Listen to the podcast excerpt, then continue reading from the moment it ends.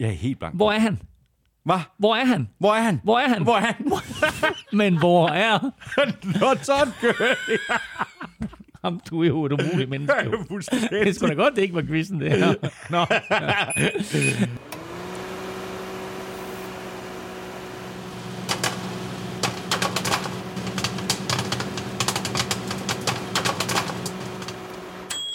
We're back! We're back.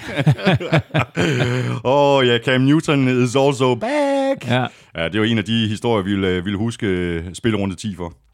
Uh, ja, altså Cam Newton var tilbage med stor succes. Odell Beckham skiftede klub med knap så stor succes. Så uh, masser af ting at tale om i den her uge, som så vanligt. Som øh, så vanligt, sådan er det. Du har ørerne i øh, NFL-showet, der er optaget live on tape og er produceret af Kvartrup Media i samarbejde med Tafel. Og oddset for danske licensspil.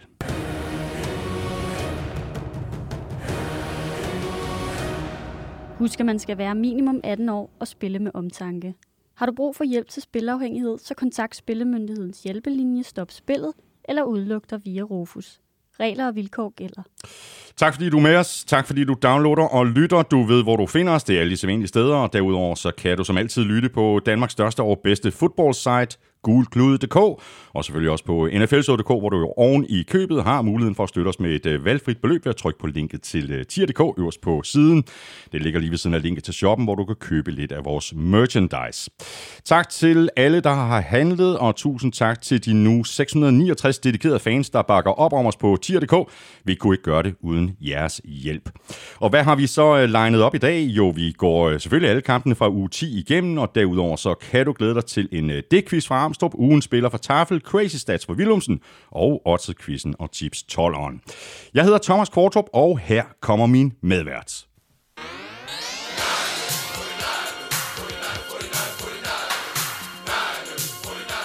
Ah.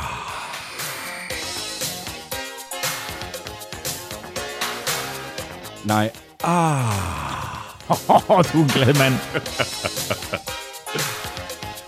Ja, og lettet.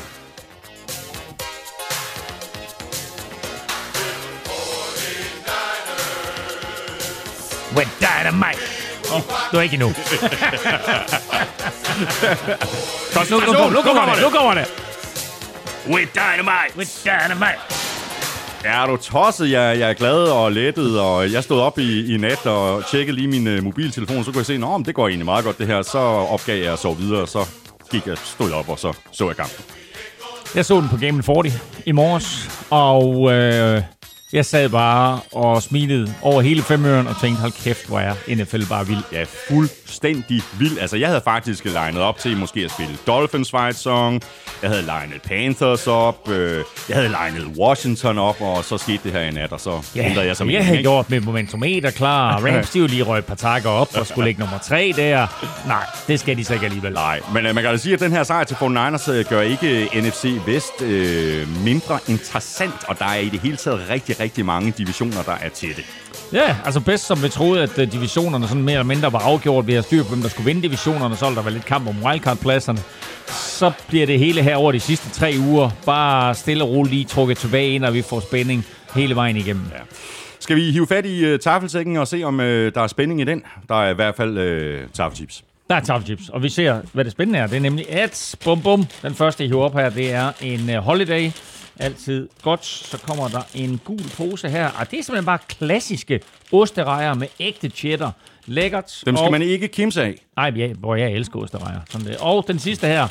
Sour cream and onion, det er, det, det er sådan meget traditionelle poser i dag. Altså Ja, ja, osterejer, ja, en ja, holiday, ja, og så ja. sour cream and onion. Selvfølgelig alt Det er lige noget, noget for sådan nogle, øh, nogle gamle idioter som os. Øh, Præcis. ja. Hvad, hvad går vi med? Jamen, vi går da med osterejer. Sådan der.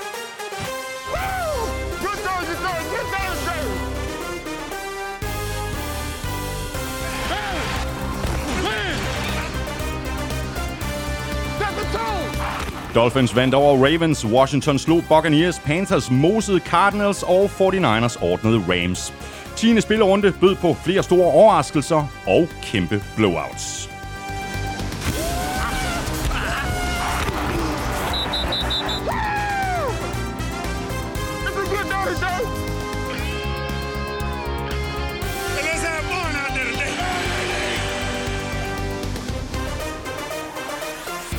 Cam Newton er tilbage, hvor det hele startede i Panthers. Hvad betyder det for Sam Darnold? Er hans tid forbi? Og hvad med Rams og Odell Beckham Jr.? Var det en god signing af Rams, eller har de spændt buen for hårdt? Jeg hedder Thomas Kvartrup, og med mig har jeg Claus Elming.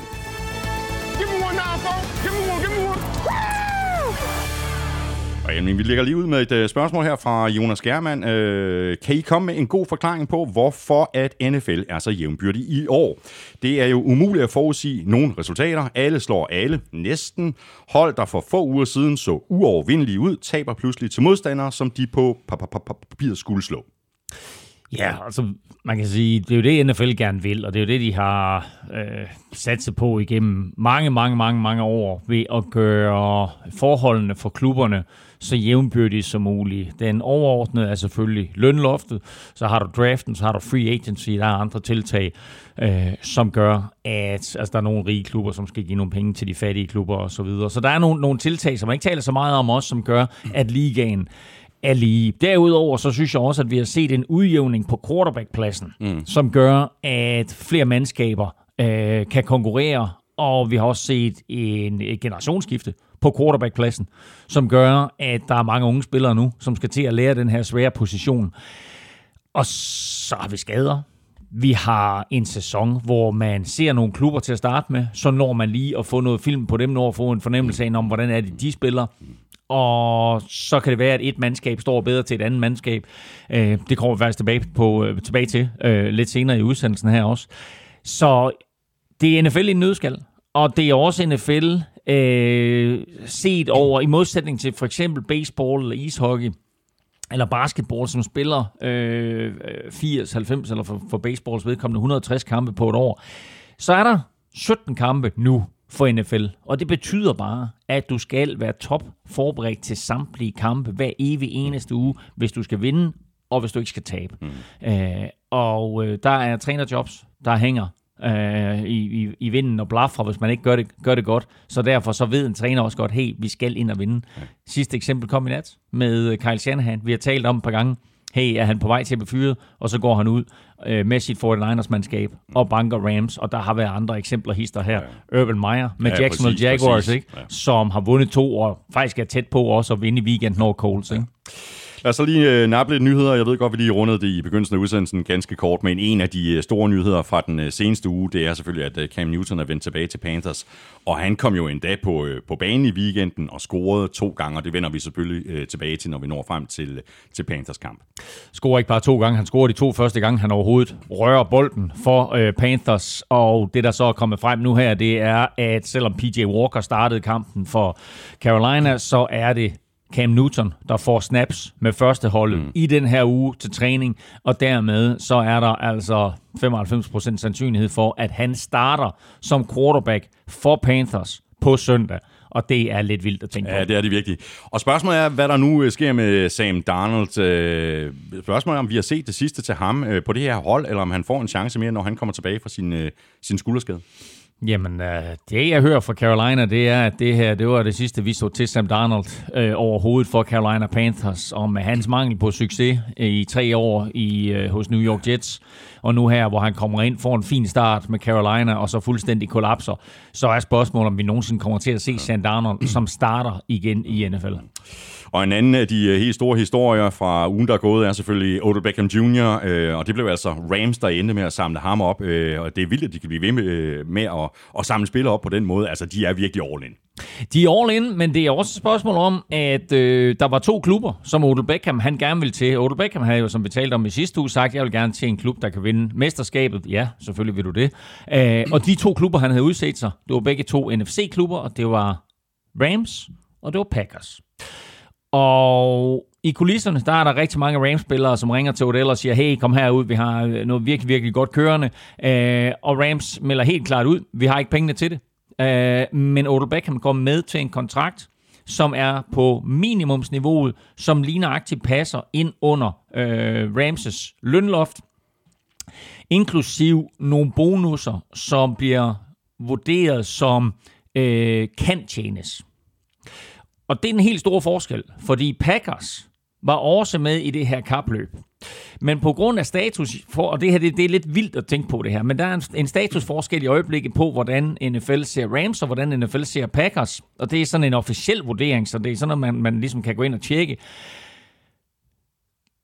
Den aftale, som, som Odell laver med Rams, der indgår for eksempel, at der er en 500.000 dollars bonus for at komme i Super Bowl, eller for at vinde Super Bowl. Og der er nogle andre bonusser indbygget. Og de bliver betragtet som mulige. Mm. Dermed så tæller de ikke imod lønloftet. Men Packers er alene på et niveau med så mange sejre, øh, at den samme type øh, klausul i en kontrakt bliver betragtet som øh, er højst sandsynlig vil blive opnået.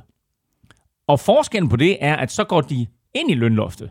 Så selvom Rams og Packers egentlig tilbyder Odell Beckham den samme kontrakt, så har Rams en fordel, fordi nogle af de her ting, der bliver skrevet ind i kontrakten, først kommer til udbetaling, hvis det sker. Ja. Mens de hos Packers skal indregnes i lønloftet, bare fordi der er en sandsynlighed for det.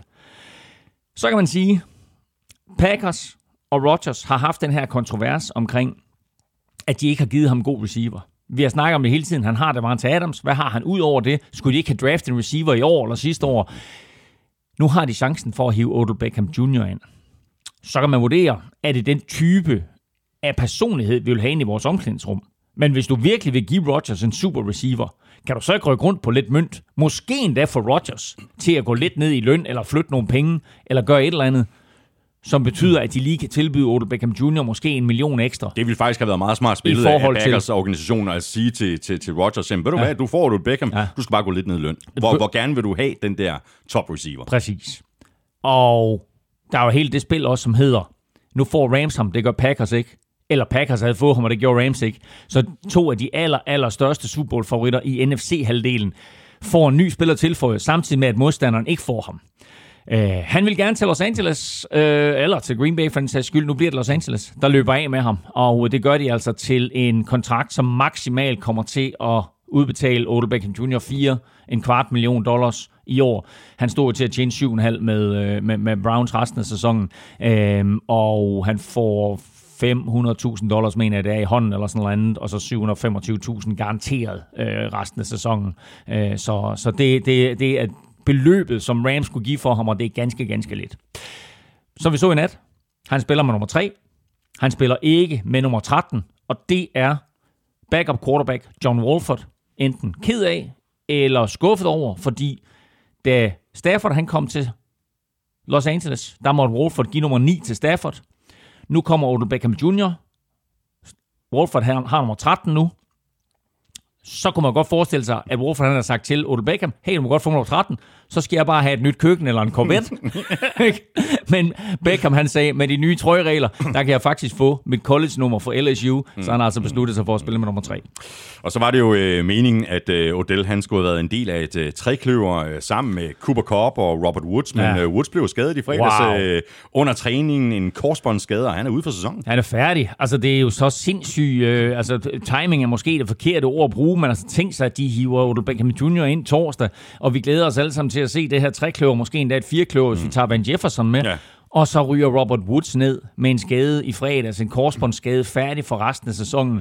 Altså, øh, det er jo lidt held i uheld. Øhm, så altså, vanvittigt. Øh, og øh, vi, får, vi får dem jo så ikke at se sammen. Og det var også tydeligt, synes jeg faktisk, på Rams, at de savnede ja. øh, Robert Woods i kampen mod 49ers i nat. Og nu er vi så i gang med det kedelige, altså skaderne. Øh, Washingtons helt store stjerne på den defensive linje, Chase Young, øh, han blev også skadet i weekenden, og han er også ude for sæsonen. Ja, og det er, det er også meldt ud, at det er en korsbåndsskade, så, så han er færdig. Uh, og det er altså et, et virkelig, virkelig hårdt slag for Washington, især efter, at de jo også får en stor sejr i weekenden, og faktisk måske kan skimte en overraskende slutspilsplads i, i det her felt, der kæmper om wildcard-pladser i NFC, efter at de jo har været en over store skuffelser, så har de altså lige pludselig vundet et par kampe, inklusive i weekenden her over Buccaneers, og så mister de øh, Chase Young for resten af sæsonen.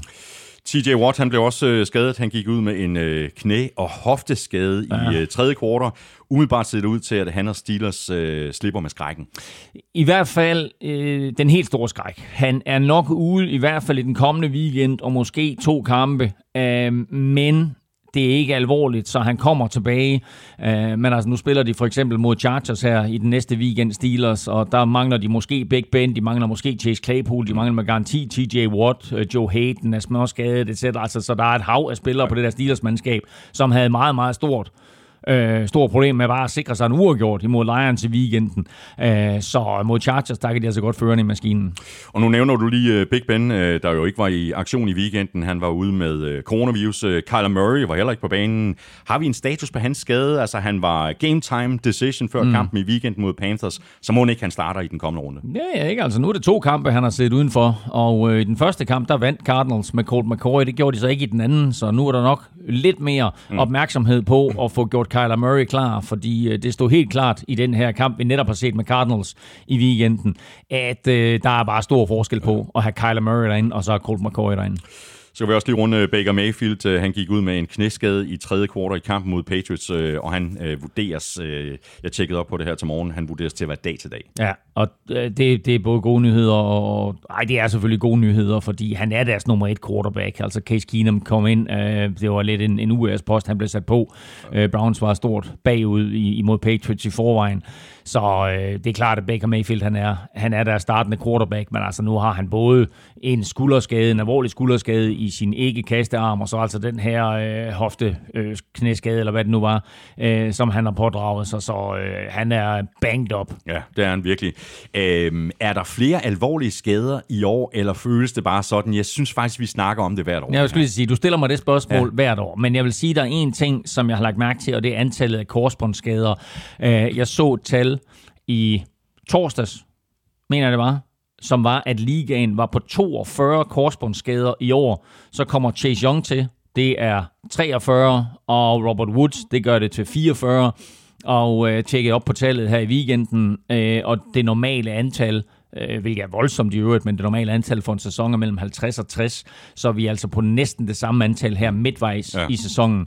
Øh, og igen, altså, hvis man kigger på, jeg har nævnt det for et par uger siden også, øh, de her kunstunderlag, chancen for at få en alvorlig øh, knæskade på kunstunderlag, er 60% højere end ja. på græs. Mm. Så med den her udvikling af størrelse, øh, rå power, kraft, øh, hurtighed, øh, som NFL-spillerne har, og de bare bliver større, stærkere og hurtigere, så synes jeg, at NFL også burde begynde at kigge på at få flere underlag, øh, altså rigtig græsunderlag, mm, mm. i stedet for de her kunststofbaner.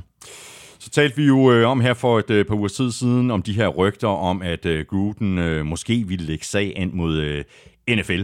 Nu er det ikke længere kun øh, rygter. Gruden sagsøger simpelthen NFL. Ja, og øh, på typisk amerikansk vis har han og hans advokatteam sendt øh, 74 sider dokumentation omkring, øh, at øh, han er øh, sur på NFL og på Roger Goodell, og mener, at han er blevet øh, trukket ud som et eksempel, og er blevet gjort til øh, søndebuk i en sag, som ikke havde noget som helst at gøre med det, som NFL egentlig undersøgte, nemlig om der var foregået noget ublud i Washington Redskins, øh, og det hed de faktisk dengang, organisation.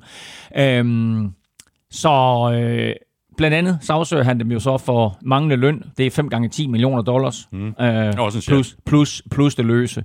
Øh, og derudover er der vist øh, fire andre søgsmål, som ikke, øh, så, hvor er ingen af de her søgsmål er under 75.000 dollars. Så han vil have en chat penge af NFL. Ja. Endnu en lille sæbeopera, som vi kan ja, følge med. Ja, og, og, det, man, altså, og, og, og det ærgerlige, det er jo, at, at det er jo det, vi taler om med Raiders i øjeblikket, fordi spillet på banen er for nedadgående. Mm. Så er der jo uh, Thanksgiving i uh, næste uge. Spørgsmål her fra Christian Norbæk. Han skriver sådan her, på en skala fra 1 til 10. Hvor meget vil de så inde på Park Avenue gerne lave om på Thanksgiving, så Lions ikke spillede per automatik?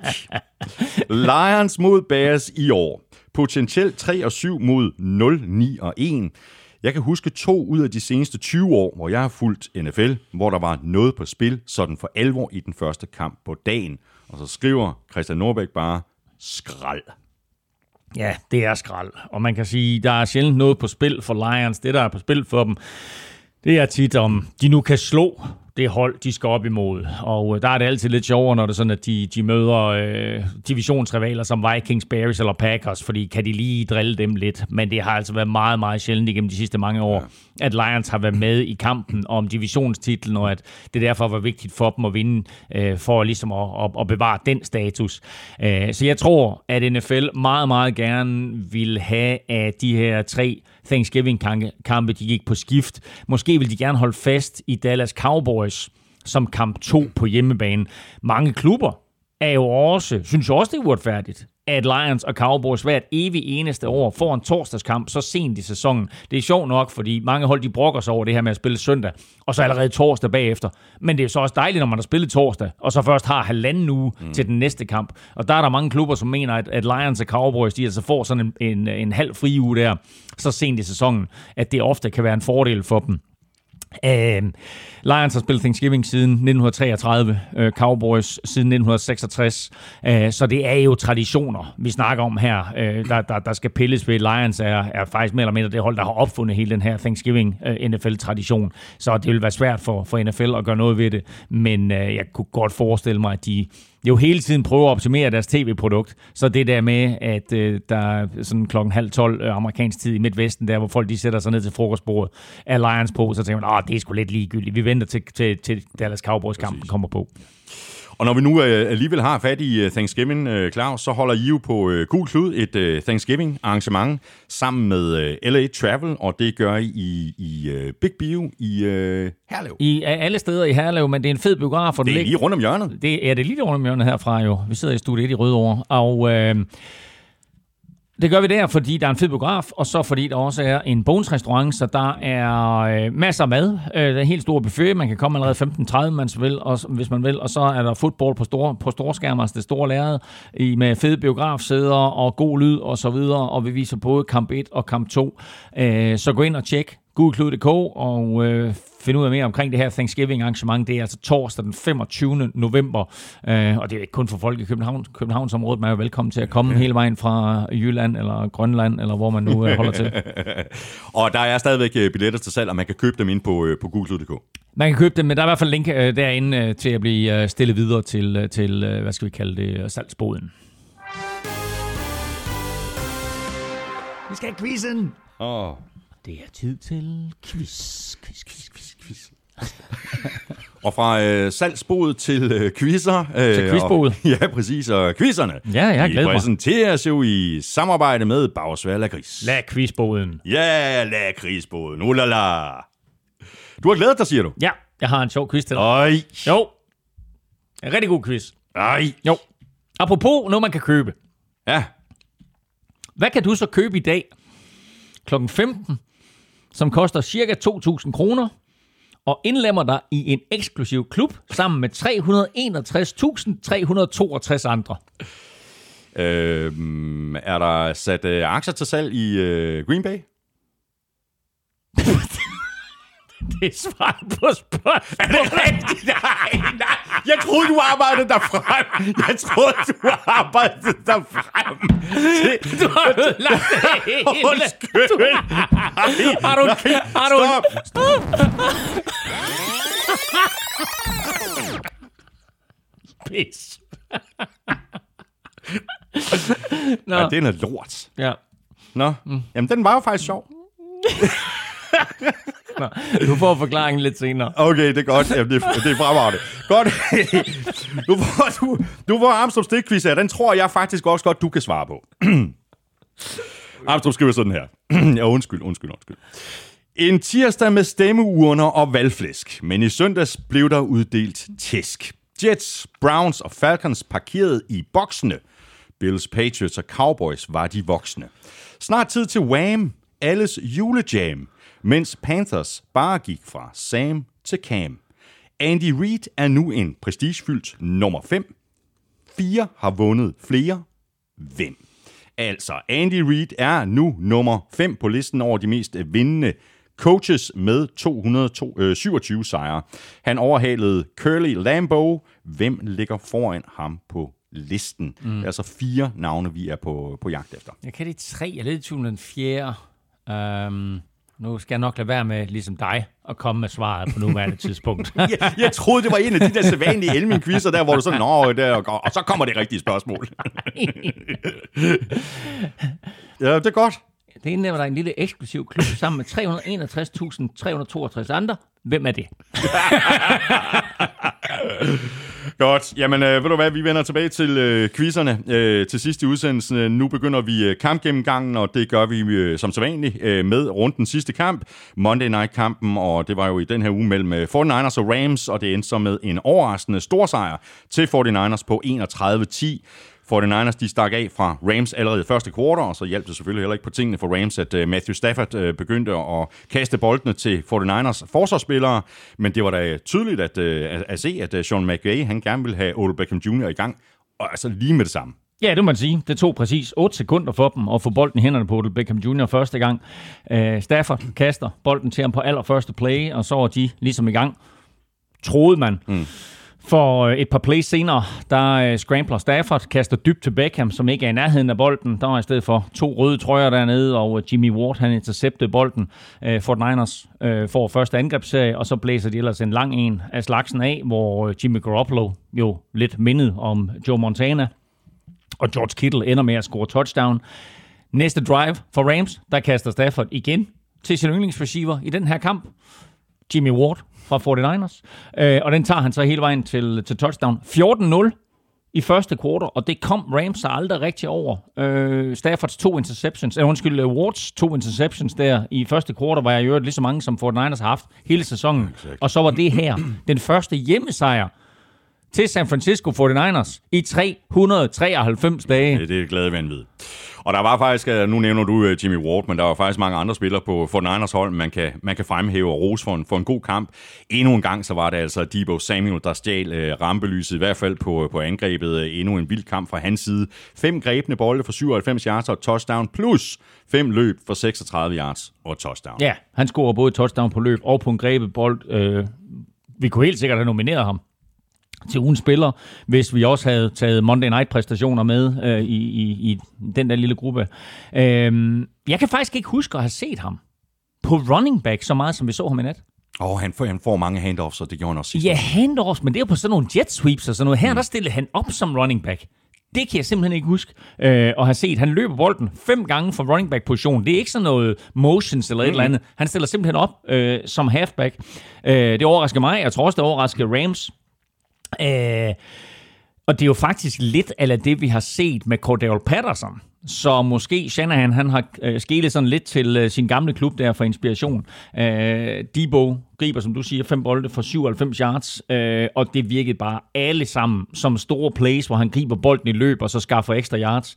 Øh, det overrasker mig faktisk en del, at Rams, de ikke fangede det her og satte Jalen Ramsey på ham. Øh, det gjorde de ikke, og i stedet for så blev de nærmest straffet, straffet øh, igen og igen. Øh, Shanahan havde udtalt, at han havde en ambition om at kontrollere klokken og løbe bolden mm. mindst 40 gange i den her kamp, så tænker man, ja, ja, 40 gange, det kommer ikke til at ske, men øh, det gjorde det. Det lykkedes til fulde for Niners. De havde vanvittige 44 løb i den her kamp og holdt bolden i næsten to tredjedel. Ja. Det var ikke lige den øh, start, som øh, Super Bowl-favoritterne fra Rams fik med både øh, Odell Beckham og, og Von Miller på holdet. Nej, det kan man ikke sige. Det var det hele taget ikke en særlig god aften for Rams, der manglede rytme, og øh, de to sidste serier i tredje kvartal, synes jeg var meget symptomatisk. Øh, Cooper Cobb taber bolden på en tredje down, punt. Næste drive, Tyler Higby taber bolden på tredje down, punt. Øh, det hjalp heller ikke, at de i, øh, på stillingen 21-7 i slutningen af første halvleg forsøger at lave et fake field goal, men øh, den har 49ers læst, så i stedet for tre point, så bliver Rams stoppet kort af første down efter et kast af punter, skråstrej holder, Johnny Hacker. Beckham griber kun to bolde, og øh, Von Miller var en total non-faktor. Øh, Beckhams to bolde der, det var ikke sådan lige øh, præcis, øh, hvad man havde forventet, men øh, det var så til gengæld jo altså øh, det samme antal, som han har grebet fra Stafford i træning i 11 mod 11, så de har haft meget, meget lidt træningstid sammen. Selvfølgelig har haft sådan nogle skeleton-øvelser, hvor man spiller uden offensive og defensive lines og så videre, hvor man ikke må ramme. Men i 11 mod 11, der har Stafford kun kastet to bolde hele ugen, og hele ugen er det, det er jo sådan fredag-lørdag, mm. et eller andet, til, til, til Beckham. Så der er selvfølgelig noget træning, som, som, som skal på plads. Der er noget timing, der skal på plads mellem de to. Nu har Rams altså tabt to i træk. Øh, og i øvrigt fem i træk til, øh, til 49ers, ja. så man må sige, at Shanahan virkelig har krammet på McVay. Ja. Spørgsmål er fra uh, Anders Petersen i forlængelse af det, du lige siger der. Altså, hvor gode er Rams egentlig? Deres klare sejre er kommet over Texans, Giants og Lions, mens deres tre nederlag er kommet mod Cardinals, Titans og 49ers. Mm. Kampe, hvor de ikke har været i nærheden af sejren, og hvor de reelt er blevet outcoachet. Rams er gode, når de er foran, men de laver ikke mange comebacks, har deres schedule malet over sprækkerne. Mm. Ja, det er et godt spørgsmål, og det har det måske nok lidt, men der er også en anden ting, og det er, at de tre klubber, som de har tabt til der, de alle sammen har været i stand til at generere pres op igennem midten på Stafford, og det kan han bestemt ikke lide. Han kaster to interceptions på to serier i træk imod Titans i sidste uge, inklusive en pick 6. Fuldstændig det samme i den her uge. To serier i træk, to interceptions, pick 6 af Jimmy Ward. Øh, mod Cardinals, ja, yeah, der må man bare sige, der på det tidspunkt, der var Kyler Murray stadigvæk i, i topform og så videre, og Cardinals er bare et godt mandskab, når han er med, så, så det var svært for dem at håndtere det. Men, øh, men generelt, så tror jeg, at vi har talt om blueprint med hensyn til Chiefs. Blueprintet for at stoppe det her uh, Rams angreb er helt sikkert at få genereret noget pres op igennem midten på Stafford, og det er noget, som McVay Company skal kigge på. Og det har de øh, en uge til, fordi de er nemlig gået på deres øh, bye week nu. Rams de er 7 og 3, Niners de er 4 og 5, og de spiller ud mod Jaguars. Runden startede også med en øh, overraskelse. Dolphins de vandt nemlig med 22-10 over Ravens i øh, tredje kvartal. Der fik øh, Brian Flores nok af at se på Jacoby Brissett, der blev skiftet ud sådan med lidt øh, problemer med sit knæ, efter at han var blevet sækket. Ind kom Tua, der jo havde en skade i sin øh, ene finger på kastehånden, og han så heller ikke helt vildt overbevist ud i begyndelsen, men han endte alligevel med at blive øh, dagens mand i skysovs, og den store held i Miami, fordi der kom der sådan lidt mere svung ja, over, over angrebet. Jamen det gjorde det, og det, og det er da mærkeligt, hvad der foregår øh, på den der quarterback-position i Miami. Altså Brissett var bestemt ikke god, Øh, alligevel så kræver det den der mindre knæskade for, at uh, Tua han kommer ind. Brissett melder sig jo faktisk klar igen, men, øh, men Tua bliver på banen øh, og er klar bedre end øh, uh, Brissett.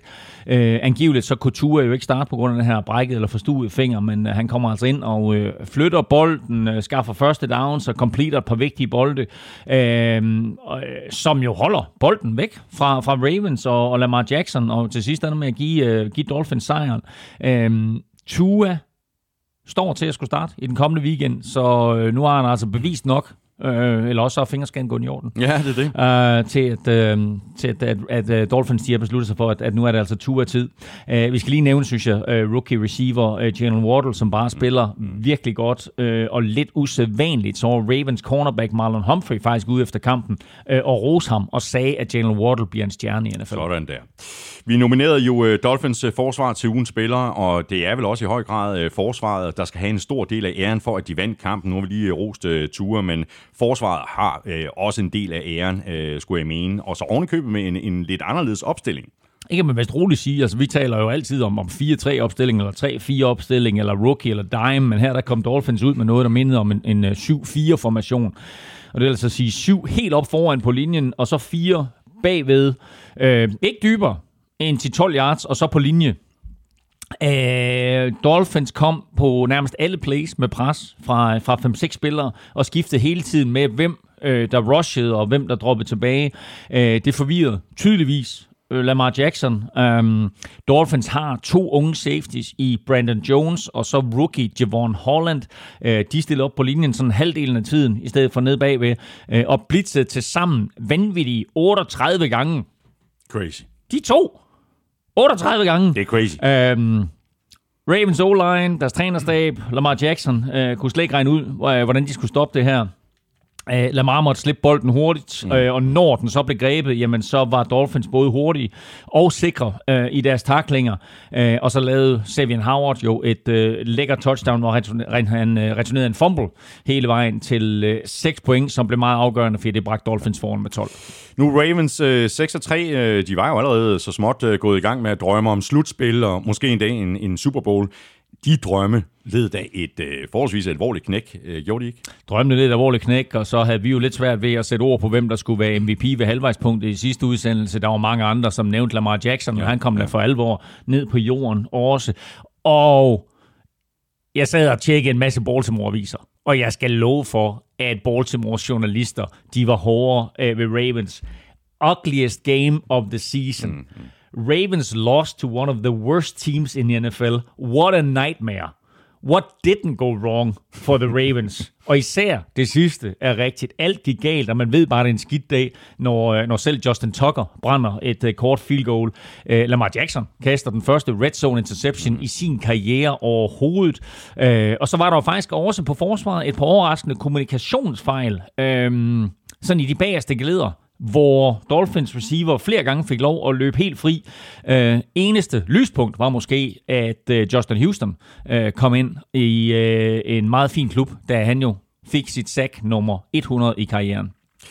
Og Ravens, de er altså øh, 6-3, de skal til øh, Chicago og møde Bears. Dolphins, de er 3-7, og de spiller ude mod Jets. Og så videre til øh, Bills, der slog Jets uden de store problemer på udebane med 45-17, og det var vel lige præcis det, der var brug for i Buffalo efter forrige uges forsmedlige nederlag til Jaguars. Nu er Bills tilbage på sporet. Angrebet lignede sig selv meget mere i forhold til det, vi så fra dem sidste år. De gjorde Josh Allen i, i øvrigt også mm. 21 af 28 for 306 66 yards og to touchdowns. Store spil ned ad banen, og så taler vi ikke mere om det. Nej, øh, men det var vigtigt for Bills at komme tilbage på sporet igen, fordi lige om lidt, der skal vi tale Patriots, og jeg kunne godt forestille mig, at de taler en lille bitte smule om Patriots også oh, ja. op, op i Buffalo. Mm-hmm. Øh, det her, det var over Jets, og dermed var det en sejr i divisionen, og de øh, kan jo altså vise sig at blive super vigtige til sidste sæson, hvis nu Bills og Patriots ender med lige mange sejre, og måske har slået hinanden øh, en gang hver. Øh, men det var også vigtigt, den måde, øh, de fik den her sejr på, for det var det, var, det, var det vi havde forventet af Bills. Det var den måde, vi har forventet at se dem spille på. Præcis. Effektivt angrebsspil med en god variation af kast og løb, en skarp Josh Allen, og så et nådesløst forsvar, der jo nærmest tog kvælertag på, ja, ja. på Jets, og ikke mindst Jets offensiv linje fra, fra kampens start. Mm. Stefan Dix har været øh, lidt øh, anonym i år. Øh, vi har talt mere om hans bror, øh, Trevon. Øh, her var mm. Storbror så endelig øh, otte grebne bolde for 162 yards. Øh, klart hans bedste kamp i år. I øvrigt den første kamp over 100 yards i over en måned. Øh, rigtig godt for Bills angrebet, hvis øh, Dix skal komme i gear, holde den kadence, og at det her ikke kun skyldes, at han stod over for et svagt Jets-forsvar. Ja, helt sikkert. Uh, han spiller en vild kamp, griber et meget, meget lækkert touchdown også. Uh, Josh Allen var skarp og ramte på, på 75% af sine kast for, for 366 yards og to touchdowns, og så fik Bills jo endelig gang i løbeangrebet også. Uh, head coach Sean McDermott sagde efter sidste uges nederlag til Jacksonville, at uh, Bills de skulle løbe bolden mere, uh, og det gjorde de så, og de blev endda historiske i processen, fordi Matt Breida Zach Moss, Devin Singletary og Isaiah McKenzie scorer alle touchdown, og det er første gang i Bills 61-årige historie, wow, wow. at fire forskellige spillere har løbet et touchdown ind i samme kamp. Det var lidt øh, nemmere for Mike White for to uger siden, da han kom ind og, og imponerede alt og alle, da Zach Wilson øh, var blevet skadet. Øh, nu er det ikke helt lige så nemt længere, fordi nu begynder holdene også at kunne forberede sig på det, han kan, og ikke mindst det, han ikke kan. Han kastede fire interceptions i den her kamp. Not good Bob, eller not good Mike. så hvad nu, øh, Elming? Øh, fortsætter øh, Jets med Mike White, øh, eller bider de i det sure æble og sætter Joe Flacco ind, eller er det tid til Zach Wilson igen? Ja, yeah, you tell me. Jeg aner det ikke. Det var i hvert fald en, en øh, hård omgang for, øh, for Mike White. Bills forsvar, det var, det var ondt, det var hurtigt, det var effektivt. Hele kampen, som du siger, de interceptede Mike White fire gange. Øh, så vi må bare konstatere, at Magic Mike var alt andet her i sin tredje kamp for Jets. Og det her viser også bare, hvor dygtige defensive koordinatorer er i NFL. Øh, første uge kommer Mike White ind, totalt ubeskrevet blad. Ingen kender ham, han overrasker, øh, og Jets vinder over Bengals øh, to uger senere. Så har Bills haft mulighed for at se video på ham fra, fra den kamp. Øh, måske lidt preseason video, måske endda lidt college øh, øh, video. Og så har han ikke en chance. Øh, quarterback er den sværeste position at spille i nogen sport. Øh, og det er meget, meget sjældent, at man ser lad os sige, en Tom Brady eller en Kurt Warner øh, komme ind for højre og få succes. Mike White havde det i en kamp, og nu er mm. han i den grad kommet ned på jorden igen. Han lignede en backup i søndags. Øh, og det blev måske allerbedst illustreret i, at den tidligere Super Bowl MVP Joe Flacco jo kommer ind og faktisk ser godt ud. Ja, ja. Så der er bare forskel på at være, at være quarterback og så være backup quarterback. Bills, de er 6-3, de spiller hjemme mod Coles. Jets, de er 2-7, og de spiller hjemme mod Dolphins. Og fra øh, en kæmpe sejr til et øh, regulært blowout, Patriots de gjorde nemlig det onde ved øh, Browns og satte Kevin Stefanski, Baker Mayfield og resten af Cleveland-mandskabet øh, alvorligt på plads med en øretæve på hele 45-7. Og nu har Patriots altså vundet fire kampe i træk, og vi har jo tidligere talt om, ja, ja, det var bare nogle øh, svage modstandere, som de har, de har vundet over. Lad os nu se, når de spiller mod et godt hold. 45-7 over Browns. Umiddelbart så ligner Patriots hold, der er for real, og jeg ville faktisk ikke sove helt trygt om natten, hvis jeg hed Sean McDermott og stod i spidsen for Bills. en kamp imellem de to hold, ikke? Du spurgte mig for et par uger siden, om Bengals var for real. yeah. Og sagde ja, øh, der jinxede vi dem øh, for alvor. Nu skal vi jo passe på, at vi ikke gør det samme med, med Patriots. Øh, men det er lidt scary. Og og, og det er ikke mindst, at det er scary, hvor gode de egentlig pludselig er, eller hvor, hvor gode de pludselig er blevet her. De har vundet fire i træk, og de har gjort det på en overbevisende måde. To af sejre to af sejrene er kommet over hold, som vi forventer. Øh, to af sejrene er kommet over hold, som vi måske ikke havde regnet med, og som vi faktisk forventede kom i slutspillet, nemlig i form af, af Chargers og Browns. Deres samlede sejre i de sidste fire kampe, deres samlede score i de sidste fire kampe hedder 150 mod 47. Ja. Det svarer, det, er vildt. det svarer til 38-12 i gennemsnit. Ja, ja. De har vundet de sidste fire kampe med gennemsnit på 38-12.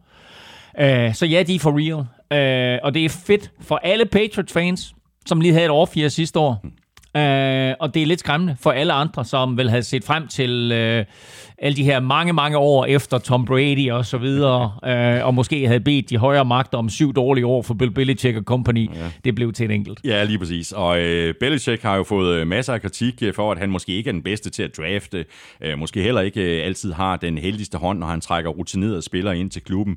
Men det var jo rent faktisk to rookies og to af de spillere, der kom til i offseason, ja. der havde hovedrollerne i den her sejr. I den grad, fordi det, altså, Mac Jones har gjort det helt igennem fantastisk. Og med det spil, vi har set den sidste måned fra Mac Jones, så er han jo pludselig helt fremme i toppen som en af spidskandidaterne til at blive Rookie of the Year.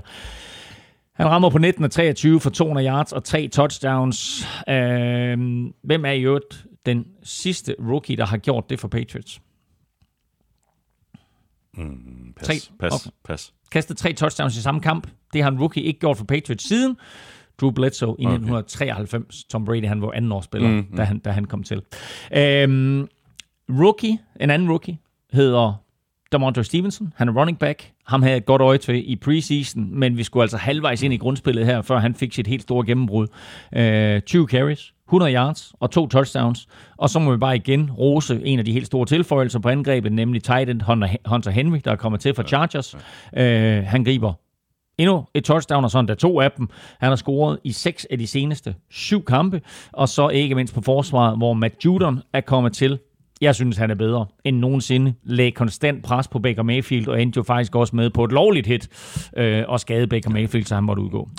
Browns øh, med øh, Nick Chubb er bedre end Browns uden øh, Nick Chubb, det siger sig selv. Øh, og det virkede til, at, øh, at de godt kunne have brugt hans kvaliteter i den her kamp, fordi øh, udover den første angrebsserie, der endte med et touchdown, så er der godt nok ikke meget at råbe for på øh, Browns angreb, øh, som vi jo ellers rost øh, så sent som i sidste uge.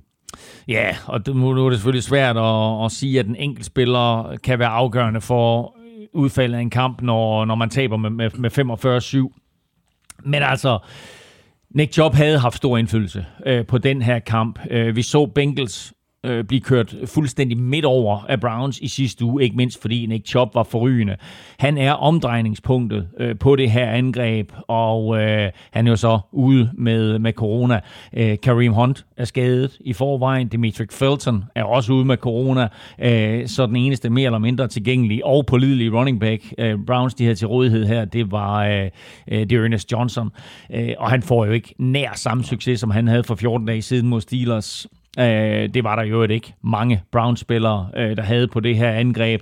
Øh, og jeg tror bare, at havde Chop været der, så havde det gjort det nemmere for alle. Angrebsserierne kunne være kørt længere. Man kunne måske have scoret touchdown, du ved, så det ikke lige pludselig var øh, 21-7, og så 28-7, og så var man bagud med, med en, en størrelsesorden, som man ikke kunne komme tilbage fra.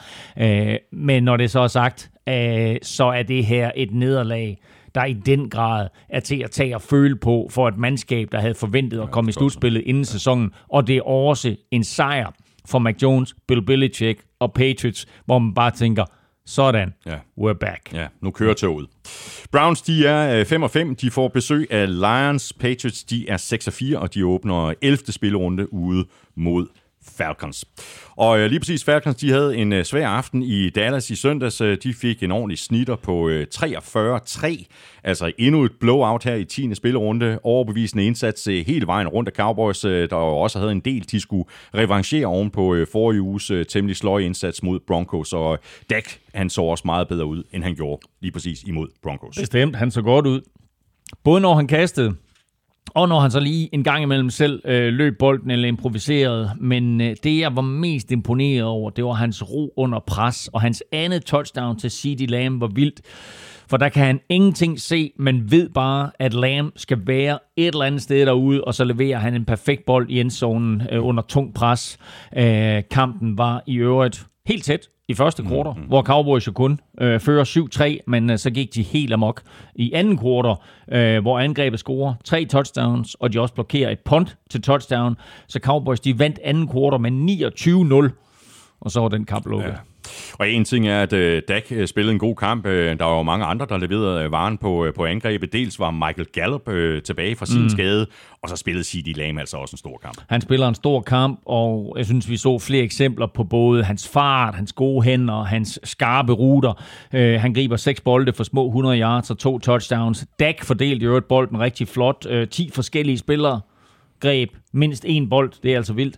Øh, og så var Michael Gallup endelig tilbage, som du siger, øh, og det er jo næsten uretfærdigt. Han griber ja. tre bolde i sit comeback for 42 yards, og så dels godkendt, og Mark Cooper griber 4 for 51, så trioen her så godt ud for Cowboys. Det gjorde duoen også på running back Ezekiel Elliott, øh, scorer to touchdowns og en two-pointer, og Tony Pollard løb bolden fint, så en øh, god dag på kontoret all around for Cowboys Ja, angreb. det må man sige ja til. Der var til gengæld ikke ret meget, der fungerede øh, for Falcons i den her kamp, hverken på forsvaret eller på angrebet. Stakkels Matt Ryan. Så tror du ikke efterhånden, han har lyst til en ny start, ligesom Matthew Stafford? Øh, det her, det var Ryans måske dårligste kamp. 9 af 21 for sølle 117 yards mm. Og to interceptions. Det var hans historisk ringeste kamp, hvis man kigger på det, der hedder passer rating. Mm. Uh, Matt Ryan blev draftet som nummer 3 overall i 2008.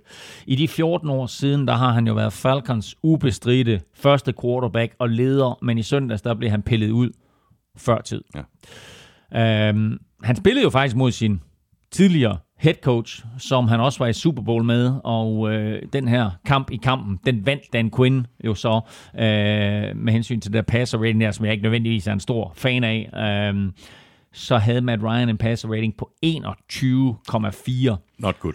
Øhm, han ramte, som du siger, på 9 ud af 21 kast, kaster to interceptions, blandt andet en til Trevor Diggs jo, som nu har 8 i sæsonen. Øhm, egentlig begyndte det jo fint nok for Matt Ryan, der flytter bolden på de første par angrebsserier der, øh, men så rammer han kun på 5 kast i resten af kampen. Øh, altså han rammer på fire kast, han, ram, han completer fire bolde på de to første angrebsserier, og så completer han fem bolde resten af kampen. Fem bolde resten af kampen for Matt Ryan. Det er vanvittigt. Så ryger han ud, og ind kommer ba-ba-da-ba-da-ba-da-ba-da, Josh freaking Rosen. Det, det må næsten være det største nederlag for Ja, ham. Det er at blive taget ud, og så kommer Josh Rosen ind. Når han Ja, kan, hvis, han, hvis, og- han, og- hvis han ikke selv har bedt om, at, om at Ja, blive taget ud, ja. han, "Ved du, nu gider jeg ikke mere. Og Rosen kaster naturligvis fristes man til at sige Ja. ja. også en interception. of course. Jeg vil lige fremhæve en spiller fra Cowboys. Igen, igen, igen. Micah Parsons er freaking sindssyg. Ja, bare- Spiller endnu en fed kamp for rookies. Og øh, Jeg tror, vi nævner ham hver uge. ja, det gør vi også. Han, han, han ligner bare uh, Defensive Rookie of the Year. Ja, der er et par andre, der blander sig. Blandt andet Javon Holland, som jeg nævnte tidligere, øh, for... Øh, for Bronco, ikke for Broncos, hvad hedder de, for, for Dolphins, men, øh, men altså Micah Parsons er vild. Ja. Det er han. Cowboys, de er 7-2. De spiller ud mod Chiefs. What a game. Falcons, de er 4-5, og de får besøg af Patriots Thursday night. Og så videre til øh, noget af en øh, overraskelse. Endnu en. Øh, Kyler Murray stod godt nok endnu en gang på sidelinjen ude med sin skade, men Cardinals og Cliff Kingsbury satte jo øh, 49ers på plads i forrige uge med Colt McCoy på quarterback. Den var Panthers så ikke med på. De slog Cardinals på udebane med 34-10, og Cam, he's back! I'm back. Og grunden til, at vi siger det på den måde, kom med god energi. Han kom med god energi, og grunden til, at vi startede udsendelsen på den måde, og vi siger det på den måde, det var, hvis man ikke lige har set kampen, det var, at da han scorer sit første touchdown, så tager han hjelmen af, som han selvfølgelig får en 15 års straf for, øh, løber ud til, ka- til kameraet, og så siger han, I'm back, og det, man tænker jo sådan en stor mand øh, med den hudfarve der, han har sådan en dyb Barry White stemme. Det havde han i hvert fald ikke Ja, der. det har han ikke. Nej, nej det, er, det er bare dejligt at være tilbage. Ja, det, jeg er bare så glad for at være tilbage i NFL. Øhm, PJ Walker startede jo som, øh, som quarterback i kampen her, men sådan cirka en halv time før kampstart, der blev det så offentliggjort, at Cam Newton han, han var aktiv. Vi vidste godt, at Panthers havde arbejdet på en stribe plays til ham, og øh, en, en stak plays, som udnyttede hans kvaliteter. Øh, og det så vi jo for første fløjt. Han kommer ind tæt ned på mållinjen, løber touchdown ind fra toeren, øh, som faktisk var et sværere løb og et større play, end det lige umiddelbart lyder til. Og så på den næste play, hvor han kommer ind, ja, der kaster han så et touchdown til Robbie Anderson, hvor han jo truer med at løbe bolden selv, Cam Newton, og det suger lige forsvaret ind, og så kaster han altså et, et fint touchdown, hvor han viser, at, at både armstyrke og præcision stadigvæk er der. Uh, PJ Walker, synes jeg faktisk, spillede langt bedre, end vi har set ham mm. i de første par kampe. Uh, og det var nok øh, synes jeg, overraskende, så nemt Panthers havde vi at flytte bolden mod Cardinals. Altså ja, Cardinals var uden Kyler Murray og DeAndre Hopkins, men det burde jo ikke betyde, at forsvaret øh, også var helt på hælene. Og med den her øh, sejr, så er Panthers jo pludselig tilbage i slutspilsbilledet. Det NFC South er helt tæt. Øh, spørgsmålet er, hvor langt de kan nå. Øh, ikke mindst hvis ham der, øh, Christian McCaffrey, han kan holde sig skadesfri, mm. fordi han gør godt nok det her angreb øh, noget farligere, end når han ikke er med. Ja, og han, øh, altså igen var han levet på sidelinjen og sidde lidt og ja, fik lidt, lidt behandling på sidelinjen, så han har svært ved at holde sig skadesfri. Men altså for at svare på dit spørgsmål, så, så synes jeg Panthers, de kan, øh, de, de kan godt nå langt. Altså de har jo den absolut vigtigste ingrediens til succes i NFL, og det er et godt forsvar. De lukker fuldstændig ned for Cardinals her. Øh, og så øh, vidste øh, quarterback PJ Walker jo godt, hvor han skulle gå hen med bolden, kigge efter to totaller, og når du så ser dem, så får bolden derover, og så bare lade McCaffrey lave sin magi. Øh, både bedste running back og bedste receiver for Panthers i søndags. 23 boldberøringer, små 100 yards øh, løb og 66 yards receiving. Øh, og så var det jo lidt lige meget, at det var andre spillere, der scorede Panthers touchdowns. Øh, de næste to uger, der har de Washington og Miami, øh, inden de sidder over. Nu vinder både Washington og Miami, du ved, så, hvor man skulle, måske, vi måske i sidste uge har sagt, at det var nemme kampe, så er det jo ikke nogen nem kamp, det her. Nogen af dem. Men altså, kan de vinde de to, så er de 7 og 5 inden deres bye week, og så synes jeg faktisk, det ser rimelig godt ud for resten af sæsonen. I forhold til øh, Cardinals, så var Kyler jo fortsat skadet, så startede Colt McCoy igen, og det gik så ikke helt lige så godt som i sidste uge. Og så endte han så med at måtte udgå med en skade, og så kom øh, backupen til øh, backupen ind i stedet for, og så er det hele selvfølgelig også lidt mere op ad bakke. Så meget trylledrik har Cliff Kingsbury heller ikke i drikkedunken ude på sidelinjen. Nej, og ham der backupens backup, altså jeg har faktisk kun hørt hans navn før, fordi han spillede for University of Minnesota i et par år. Øh, Christopher Strevler hedder han, øh, og han har da øh, han har da lidt talent, må man sige, fordi han har vundet den kanadiske ligas Super Bowl, kaldet Grey Cup, for to år siden. Øh, han blev ikke draftet af en NFL-klub i 2018-draften, men tog i stedet for til Canada. Og så efter sin succes deroppe, så kom han så øh, til Cardinals i 2020. Nu fik vi ham at se her, øh, da, da Colt McCoy må udgå. Øh, men jeg synes jo ikke lige frem, at Cardinals trænerstab hjælp ham, fordi øh, Colt McCoy bliver skadet, Straveller kommer ind to plays senere, og så står han med en fjerde down og 12 på Cardinals banehalvdel, og så vælger de ikke at ponte. Og selvfølgelig fristes man lidt til at sige, så bliver han jo sækket. Øh, der bør man måske lige sparke bolden væk, og så tage lidt tid på sidelinjen og gøre knægten klar. Øh, lidt panik, synes jeg faktisk. Mm sporer vi her hos øh, Cliff Boy og Ørkens Sønner. Øh, noget, som jeg ikke synes, vi har set før. Øh, og i øvrigt, øh, lidt samme situation her med McCoy, og, og det jeg snakkede om med Mike White før. Panthers vidste, at de skulle op imod McCoy, så de har haft tid til at forberede sig. Og så har et, et Matt Rule-forsvar øh, med de spillere, der nu er her øh, på det forsvar, jamen så har de bare styr på McCoy, så havde McCoy ikke en chance. Præcis. En ting er at gå ud og gøre det øh, rigtig godt i den første kamp, noget andet er at gentage succesen med den samme gameplan ugen Præcis. efter. Panthers, de er 5 og 5. De spiller hjemme mod Washington. Cardinals, de er 8 og 2, og de spiller ude mod Seahawks. Og øh, Seahawks, de havde jo øh, Russell Wilson tilbage i kampen mod Packers i søndags, øh, og både han og Aaron Rodgers øh, begik øh, flere store fejl i den her kamp. Jeg ved ikke, om det var vejret, der drillede, eller om de var øh, lidt rustne, fordi øh, Wilson har jo siddet ude længe. Rodgers øh, sad over i øh, forrige uge på grund af sin øh, genistreg med corona, øh, og det gik øh, meget træt med at få sat øh, point på, øh, på tavlen, men øh, Packers endte altså med at give øh, Cardinals et æg og hive uh. en øh, hjemmesejr på 17-0 ja. i land. Øh, det var ikke en, en super skarp øh, Rodgers, vi fik at se her, Elming, men øh, Packers de overtager alligevel øh, første seedet i, i NFC. Ja, wow. Øh, det var en vigtig sejr og en stor weekend for Packers, fordi Cowboys vandt, men Rams, Cardinals og Buccaneers tabte alle, og dermed så overtager de jo altså første seed i NFC-halvdelen, fordi de er 6 og 1 Packers i konferencen, mens alle andre har tabt mindst to kampe øh, i NFC-halvdelen. Øh, men det var, som du lidt siger, ikke Rodgers skyld. Øh, jeg tror egentlig, mange havde forventet, at efter den her coronamisære og så videre, hvor han har været forsidestof og har været øh, udsat for, for spot og, og hvad hedder sådan noget, Spe og, spot og spe, og latterliggørelse. Spe, spe og spot og latterliggørelse, og sat i øh, diverse Somi-kanalers gabestok, så tror jeg, de fleste havde forventet, at han kom, kom ud som lyn og torden, men, øh, men det skete ikke. Han var uskarp og kastede faktisk en øh, forfærdelig interception i endzonen i tredje kvartal. Øhm, han havde nogle kaster, der var for lange, han havde nogle, der var for korte, og nogle, der var ude over sidelinjen. Øh, det, det, er ikke usædvanligt for andre quarterbacks, men det er vi bare ikke vant til Nej, fra, øh, fra Aaron Rodgers. Øhm, så øh, heldigt for ham, men jo også, at det er en holdsport, kan man sige, men heldig for ham, at forsvaret igen bare bærer læsset. Øh, og så havde AJ, AJ Dillon jo en øh, fest i øh, sneværet her med 66 yards og to touchdowns. Og så har vi jo et øh, par udsendelser i, i off-season, som vi kalder for Good News, Bad News. Øh, der var faktisk både øh, Bad News og Good News for Packers øh, i den her kamp, og Aaron Jones, fordi han fik jo en knæskade, men ikke helt så slemt som frygtet. Nej, heldigvis. Altså han udgår med en knæskade og måtte hjælpes fra banen sådan hængende over, øh, over skuldrene på, på to mand. Øh, han kommer ud fra det blå telt, altså det her injury tent, der kommer han ud øh, fra det der blå telt med tårer i øjnene. Øh, men meldingen er, at det i gås øjne kun er en ledbåndsskade og kun er en ledering, så altså ikke noget revet over, men alligevel en skade, der kommer til at holde ham ude i et stykke tid, men altså heldigvis ikke en, en korsbåndsskade. Øhm, og der er måske også gode nyheder for en anden af sæsonens helt store helte, nemlig defensive lineman Rashan Gary, der virkelig har fået sit store gennembrud i år. Øh, han fik sin arm fanget øh, lidt underligt at få den bukket sådan helt bagover i, i en takling. Øh, og det så altså ikke godt ud, men øh, angiveligt blot øh, overstrukket albuen, og han øh, kan være hurtigt tilbage.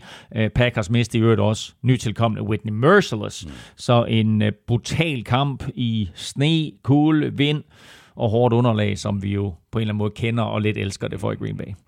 Og så fik uh, Seahawks altså et æg, det første til Russell Wilson i sin karriere, og Seahawks fans har selvfølgelig glædet sig helt vildt til at få deres uh, stjerne quarterback uh, tilbage på banen. Det virker så til, at der lige kommer til at gå lidt uh, tid, før Wilson er tilbage sådan i absolut uh, topform. Det var nogle temmelig ukarakteristiske fejl, han lavede undervejs. Ja, og med Russell Wilson tilbage, der forventer vi også, at der kommer point på tavlen. Men uh, det her, det var som du siger, det første æg for Russell Wilson i 10 år i NFL og 166 kampe i spidsen for Seahawks. Øh, og jeg er nødt til at sige, at det var jo faktisk lidt hans egen skyld, fordi det står 3-0 til Packers i en lavt scorende affære meget længe, og Wilson kaster to interceptions, begge i endzonen og begge fuldstændig unødvendige. Altså i en kamp med så få point, og i de her vejrforhold, der er Wilson bare for rutineret og for klog til at lave den slags fejl. Øh, der skal man have point, når man får chancen. Øh, en anden spiller, der virkelig dummer sig, det er Seahawks defensive end Carlos Dunlap. Mens det står 3-0 til Packers, der laver Seahawks en stor takling, og øh, en Packers spiller, en Packers offensive lineman, taber sin sko. Og den beslutter Carlos øh, Dunlap sig så for øh, at kuglestøde, øh, eller bare kaste langt væk som en eller anden slags fejring. Genialt. Vi kender NFL, og det ja. burde Carlos Dunlap jo også gøre. 15 yards straf, første down, og seks plays senere, der scorer Dylan til 10-0, og så var kampen afgjort.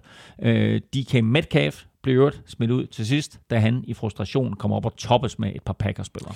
Sådan kan det gå. Packers, de er 8 og 2, og de skal et uh, smut til Minnesota og spille mod uh, Vikings. Uh, vanvittigt spændende divisionsopgør lige der. Jeg vil, Og, lige sige, jeg vil lige sige, at hvis, hvis Vikings vinder, og hvis Packers slår, eller undskyld, hvis 49ers slår Jaguars, så er de begge to 5 og 5, inden de mødes om 14 dage. Ja, det så der er- har, vi, der har vi noget på spil her i det NFL show. Exactly, ja. Så jeg lige at nævne øh, Seahawks record. De er 3 og 6, og de øh, spiller hjemme mod Cardinals. Endnu et øh, divisionsopgør.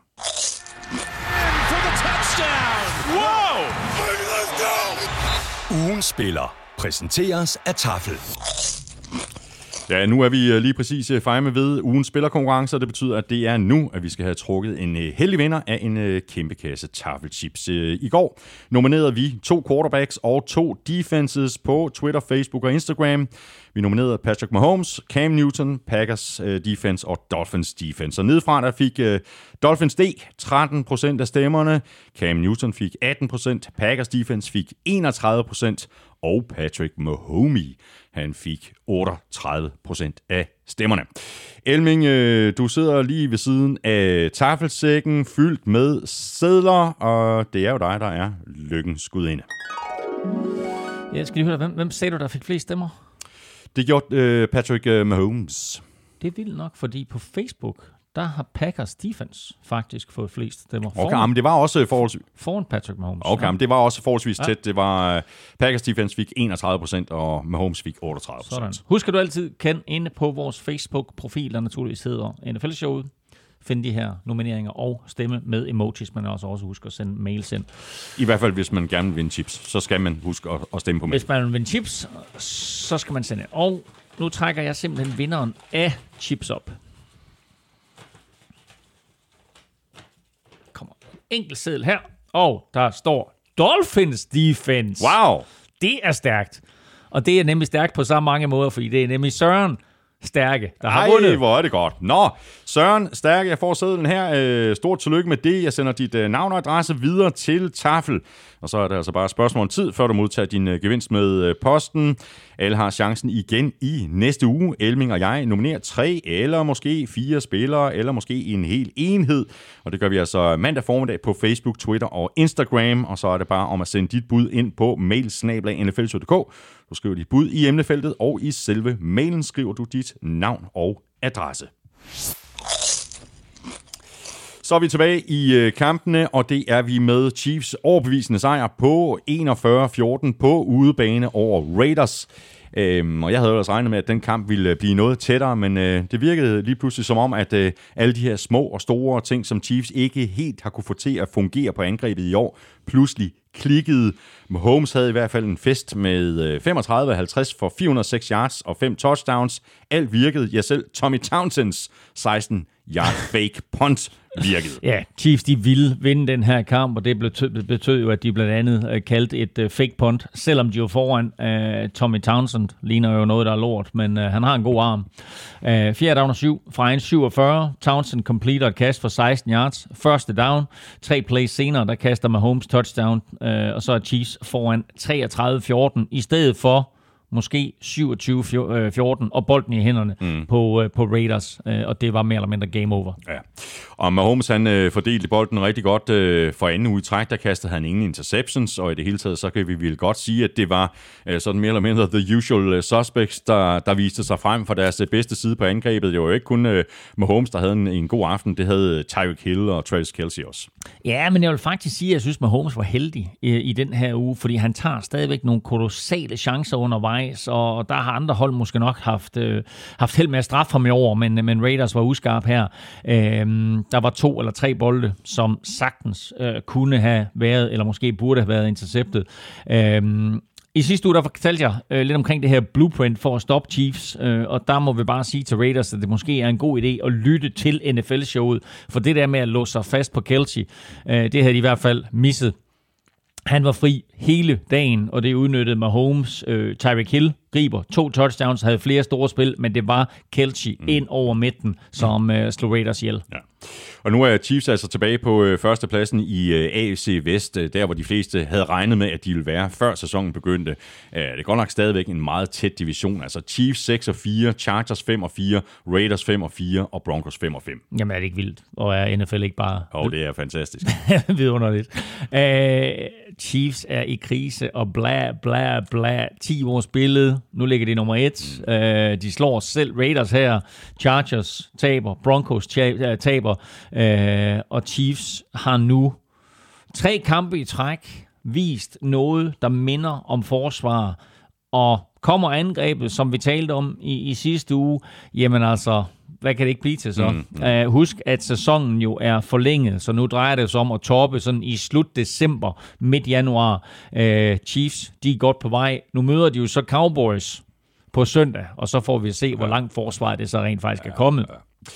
Derek Carr øh, spillede ikke en helt lige så forfærdelig kamp som den i forrige uge mod øh, Giants, men omvendt så spillede han heller ikke på det niveau, som vi så ham spille på i, i begyndelsen af sæsonen. 23 af 35 for 261 yards, to touchdowns og en enkelt interception.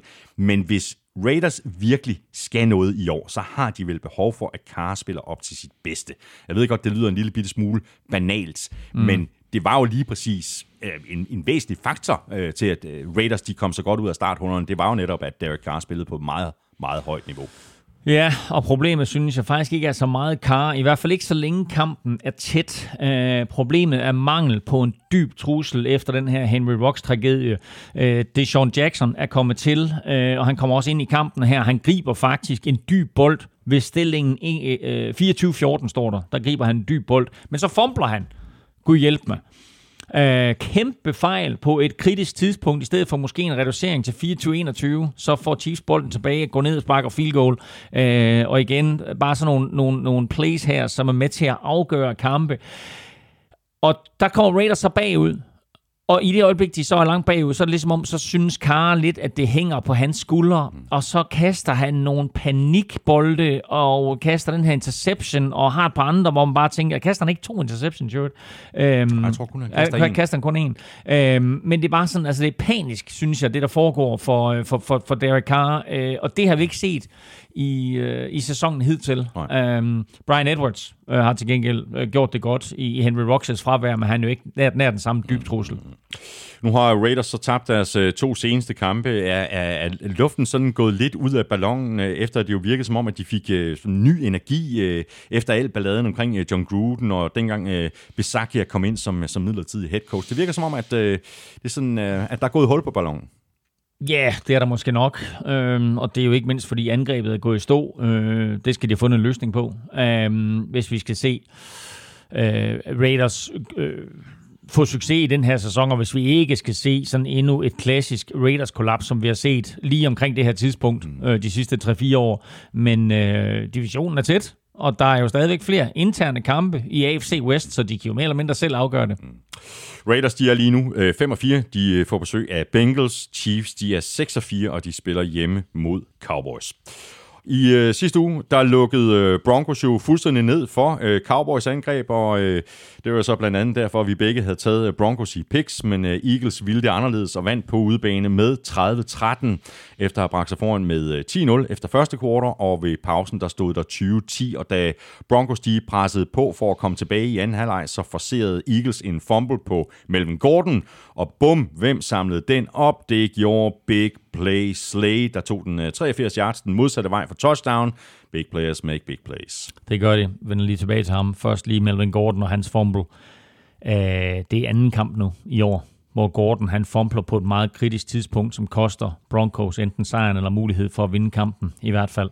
Uh, så det skal der rettes op på, og de har ham der super rookie, Javonte Williams, mm. som jeg også overrasker over, at de ikke bruger i den her situation, for det, det er en kort fjerde down, de skal have første down, Gordon får bolden, så fumbler han, og så ser vi Big Play Slay, og han er stadigvæk bare vild. Han har ikke haft den succes hos Eagles, som han havde håbet på, da han skiftede der øh, før 2020-sæsonen, men her der så vi endelig Big Play Slay.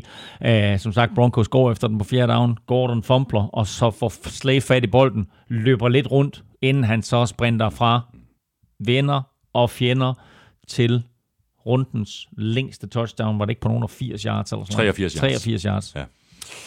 Sikke en kamp af Jalen Hurts, øh, især i øh, første halvleg, fordi øh, Eagles gik jo nærmest fuldstændig væk fra kastespillet i anden halvleg. Øh, 15 af 20 for 176 yards og to touchdowns i første halvleg.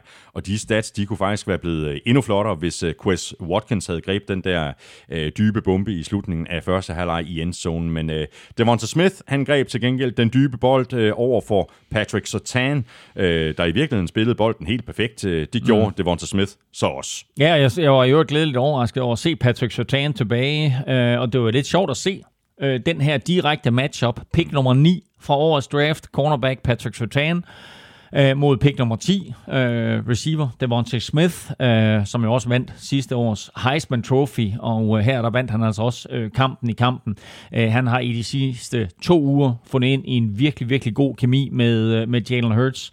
Øh, han falder lidt ud af kampen i anden halvleg, Devontae Smith, men han griber altså to touchdowns i første halvleg, og viste jo masser af eksempler, øh, både på sin eksplosion, jeg synes sit mod øh, og sine hænder. Ja.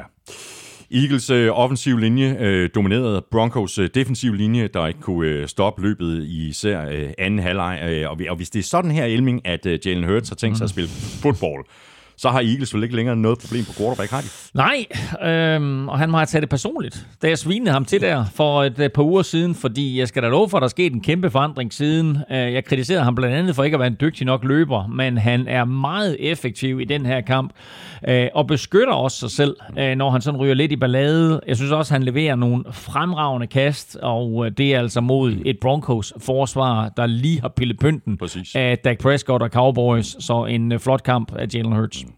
Og så virkede det som om, at der simpelthen manglede rytme på Broncos angreb. Øh, det var ikke øh, ligefrem Teddy Bridgewaters bedste kamp i hvert fald, og effektiviteten i red zone var ringe.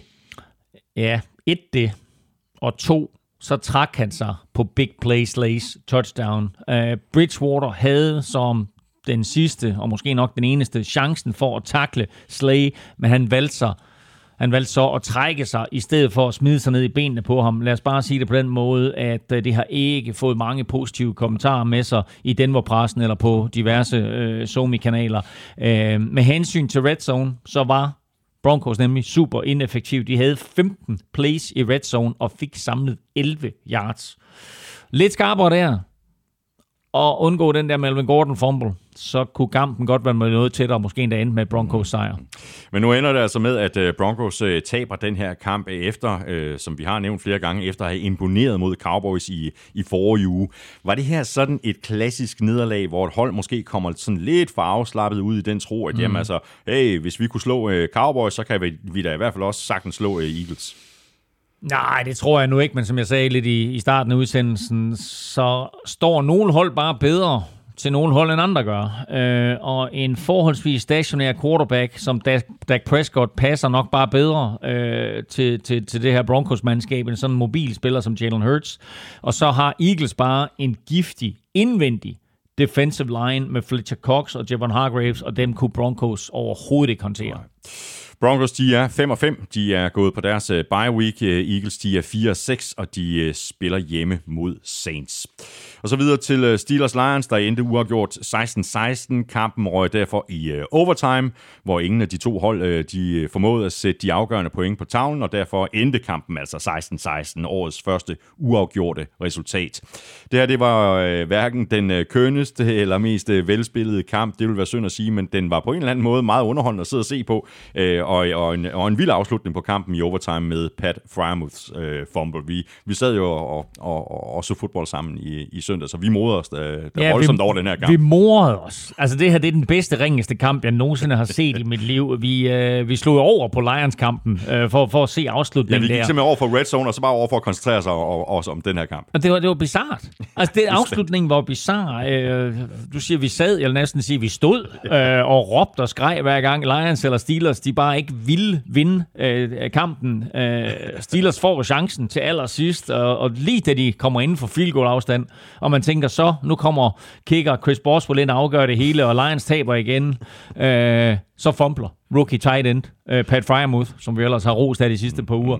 Øh, han griber bolden, fumbler, bolden ligger lige der inden for sidelinjen. Lions får fat i den, øh, og så ender kampen uafgjort. Der var i øvrigt i overtime 8 boldbesiddelser, fire til hvert hold, på 10 minutter. Det er helt vildt. Det har jeg aldrig hørt om før. Nej, det er helt vildt. Og husk, at man Og- i, over, i, i overtime, når, når, når begge hold har haft bolden, ikke? Eller, når, er eller det når, bare- når, når, når det første hold har haft bolden, så kan man vinde med et field goal. Præcis. 8 boldbesiddelser. Og, og ingen point. Nej, og det, det er et glad vanvid. Kickers are people too, øh, er der nogen, der siger, men øh, sådan set i bagspejlet, så skulle Lions nok bare have holdt fast i, i Matt Prater. Må ikke han havde været bare en, øh, en smule mere præcis end øh, Ryan Santoso. Og det har jeg vist sagt flere gange i år, at det var en kæmpe brøler af det nye Lions-regime ikke at holde fast i uh, Matt Prater. Uh, han er gang i en kanonsæson for, uh, for Cardinals, mens Lions de jo ikke har fundet en anstændig kicker endnu. Uh, Ryan Santoso, som jeg tror, vi bliver enige om i øvrigt, uh, skal udtale sig lidt med shogun-effekt. Santoso. Misota Ryan Santoso. Det er field goal forsøg, det er grinet vi øvrigt også af. Han er i hvert fald ikke svaret, og nu siger du lige præcis, vi grinede af det der, fordi øh, han får chancen for at vinde kampen i overtime. Og så sparker han, for at give Lions sejren, så sparker han en 48 yarder. For kort! Den er ikke i nærheden. Han sparker en 48 yarder for kort, og så også lidt skævt. Uh, han brændte i øvrigt også et ekstra point tidligt i kampen, ja. og derfor så ender kampen jo ikke 17-16 til Lions i normal spilletid, men 16-16. Mm. Og så har vi øh, Jared Goff, øh, men jeg synes næsten, han bliver dårligere og dårligere. 14 af 25 for 114 yards. Øh, Han udstråler alt andet end tro på sig selv.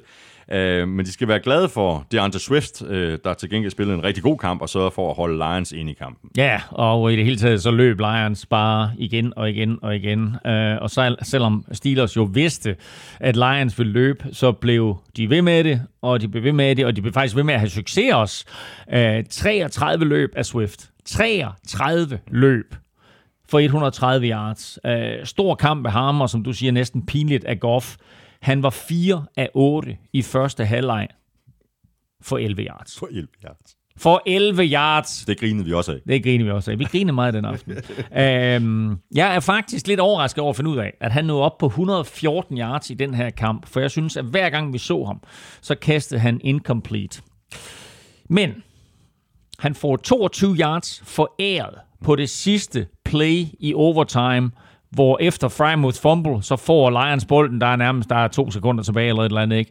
Øh, og så har de sådan et, øh, et, et, et klassisk spil der, nu kaster vi bolden lidt rundt, men fordi det er et fremadrettet kast fra Goff til at starte med, så får han alle de yards, der er på det spil. Så det er 22 yards, han får foræret der. Trækker vi det fra sammen på 92 yards. Han bliver sækket for 45 yards. Trækker vi dem fra, så er vi på, hold nu fast, 47 yards netto fremadrettet yards for Jared Goff. 47. Det kan godt være, at det staves Goff, men det udtales Goofy. og, og, og det er vel at mærke øh, det, det der fantastiske yardantal på fire quarters og forlænget.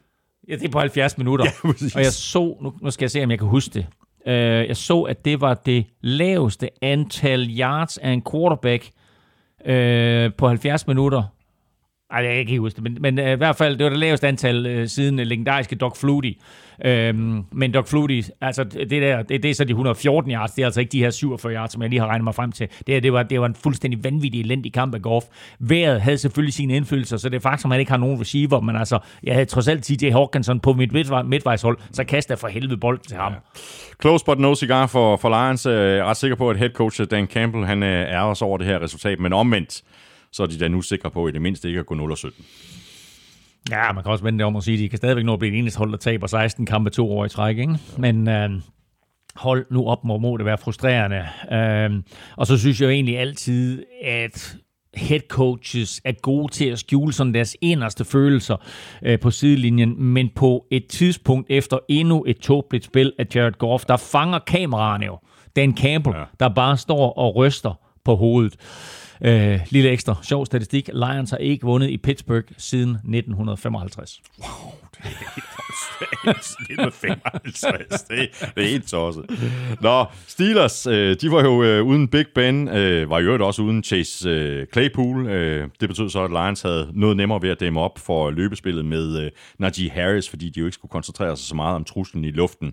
Øh, det kan godt være, at øh, Roethlisberger ikke spiller på samme niveau, som han gjorde tidligere i sin karriere, men Mason Rudolph, han er bare ikke voldsomt god, øh, på trods af, at øh, den offensive linje jo egentlig beskyttede ham, øh, Ja. ham okay. Øh, Ja. 30-50 for 242 yards, et touchdown og en interception. Ja, og jeg forstår det ikke helt, fordi Rudolph var så ringe, øh, at jeg synes, Steelers burde have sat Dwayne Haskins ind for at se, om han kunne tilføre angrebet noget energi. Han var jo aktiv for første gang øh, med Big Bens skade. Øh, vejret var som sagt forfærdeligt, men det undskylder altså ikke alle de fejlkast, som Mason Rudolph han har. Øh, blandt andet har han jo øh, Dante Johnson fuldstændig fri for et ret kort touchdown, mm. og så kaster han bolden, øh, på trods af, at den skal ikke leveres med mere end 10-12 meter skal den her bold kastes, ikke? Øh, og så lidt kaster han den kort i jorden foran sin receiver. Øh, han havde alle chancer inklusiv som sagt fire i overtime for at vinde den her kamp, men det formåede han ikke. Øh, Så den her præstation siger bare til mig og formodentlig til alle i Steelers organisation, at det her er ikke manden, der skal overtage for Big Ben på den lange bane. Steelers, de er 5-3 og 1, og de spiller ude mod Chargers i den øh, sene søndagskamp. Øh, Lions, de er 0-8 og 1, og de skal til Cleveland og spille mod Browns. Og øh, Lions, de var altså øh, tætte på at få deres øh, første sejr i år. Jaguars har jo allerede vundet øh, to kampe, og de var faktisk øh, forholdsvis tæt på at få deres øh, tredje sejr. Colts endte nemlig med kun at vinde med 23-17 på hjemmebane, efter at øh, de ellers var foran med hele øh, 17-0 efter kun 12 minutter. Det lignede et øh, blowout med Jonathan Taylor i spidsen. Han løb bolden 21 gange for 116 yards og et touchdown. Men Jaguars, de kæmpede sig tilbage i kampen, og vi må øh, give det her Jaguars forsvar, at de i hvert fald ikke giver op. Det gør de ikke, og det var imponerende faktisk, som de fik justeret, fordi Jonathan Taylor, som måske lige nu er NFL's bedste running back, han har altså over 70 yards i, i første kvartal, og jeg sad der lige kort, hvor jeg tænkte om Adrian Petersons NFL-rekord på 296 yards, den var i fare. Øh, men øh, så får Jaguars sat en prop i, og så får Jonathan Taylor altså kun 40 yards øh, resten af kampen. Øh, det, der lignede øh, et blowout ender jo faktisk med at blive helt tæt, og det er jo faktisk kun et special teams touchdown af Colts efter blokeret punt, som bliver forskellen på de her to hold.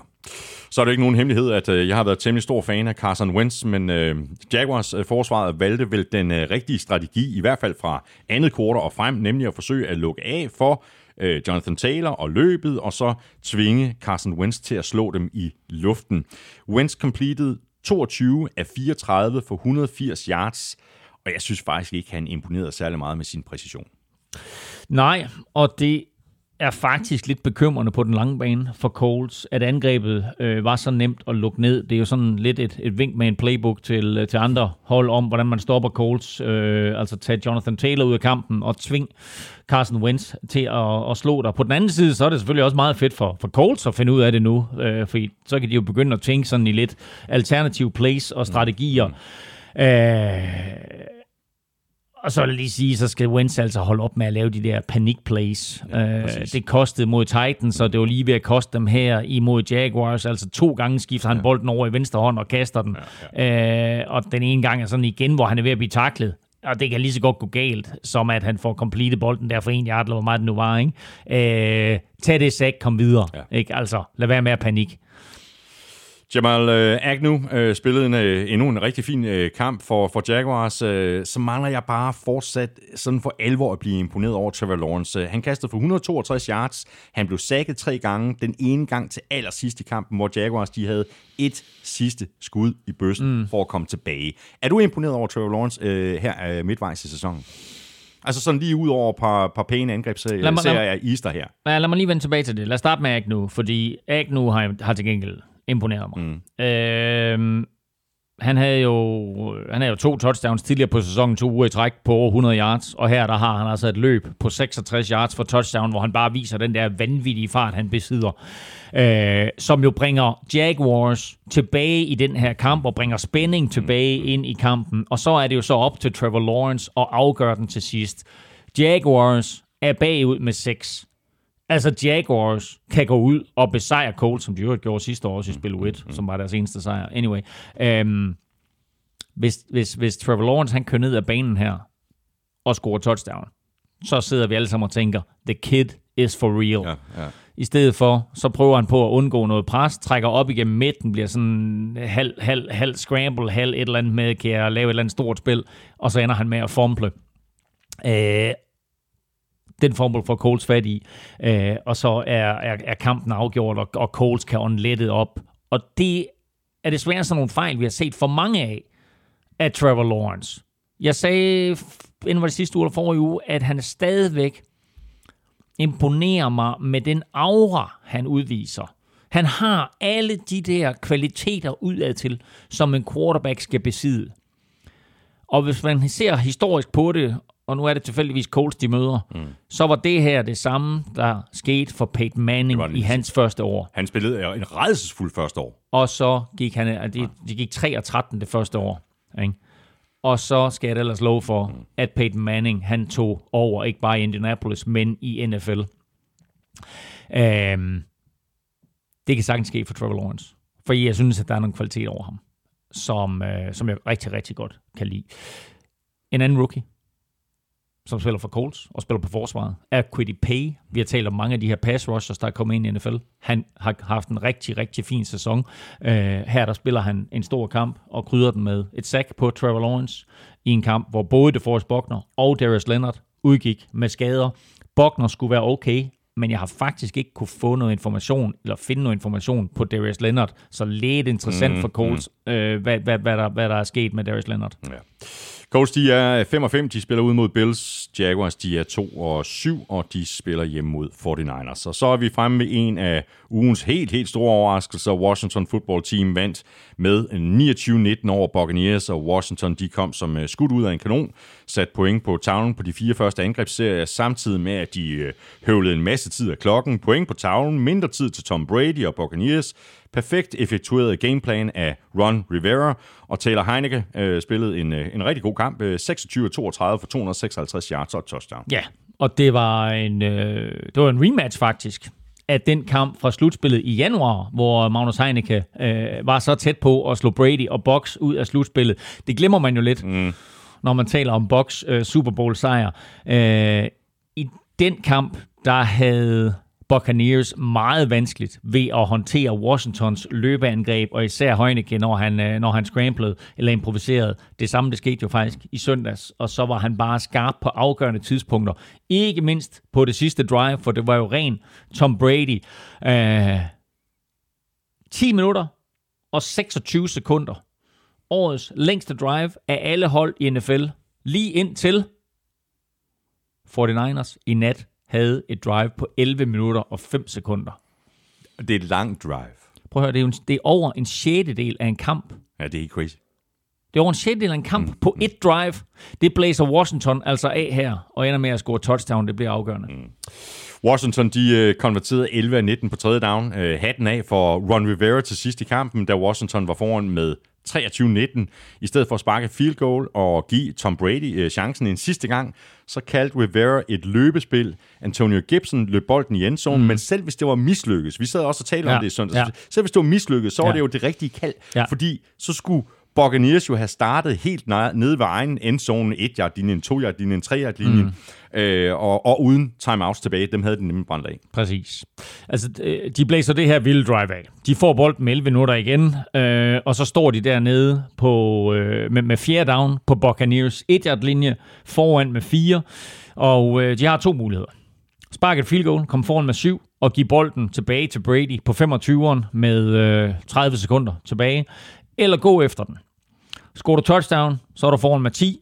Gør du ikke, så er du stadigvæk foran med 4, men så får Boxo, som du siger, bolden på 1 linjen med 30 sekunder, mm. og ingen timeouts.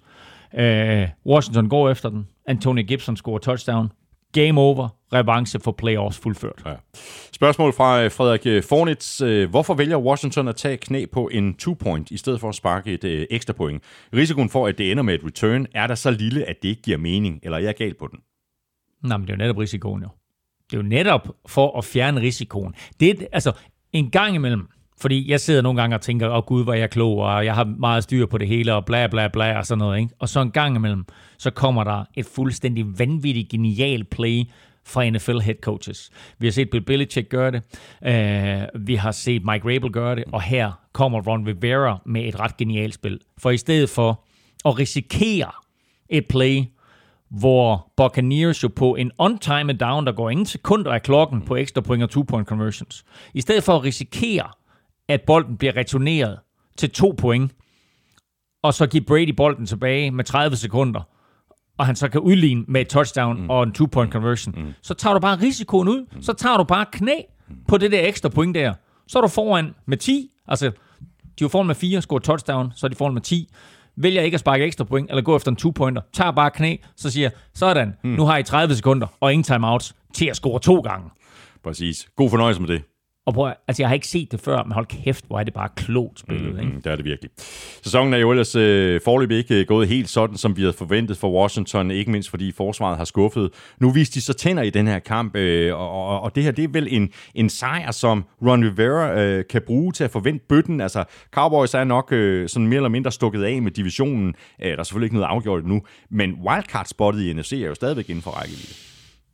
Jamen, der er da helt sikkert åbent i kampen der om, om 6. eller 7. seed, men øh, det hjælper jo selvfølgelig ikke, som vi talte om i starten, at Chase Young er færdig mm. for sæsonen. Og så er det jo lige meldt ud også, at Ryan Fitzmagic ikke kommer tilbage, så nu er det altså Taylor Heineke mm. resten af vejen. Ja.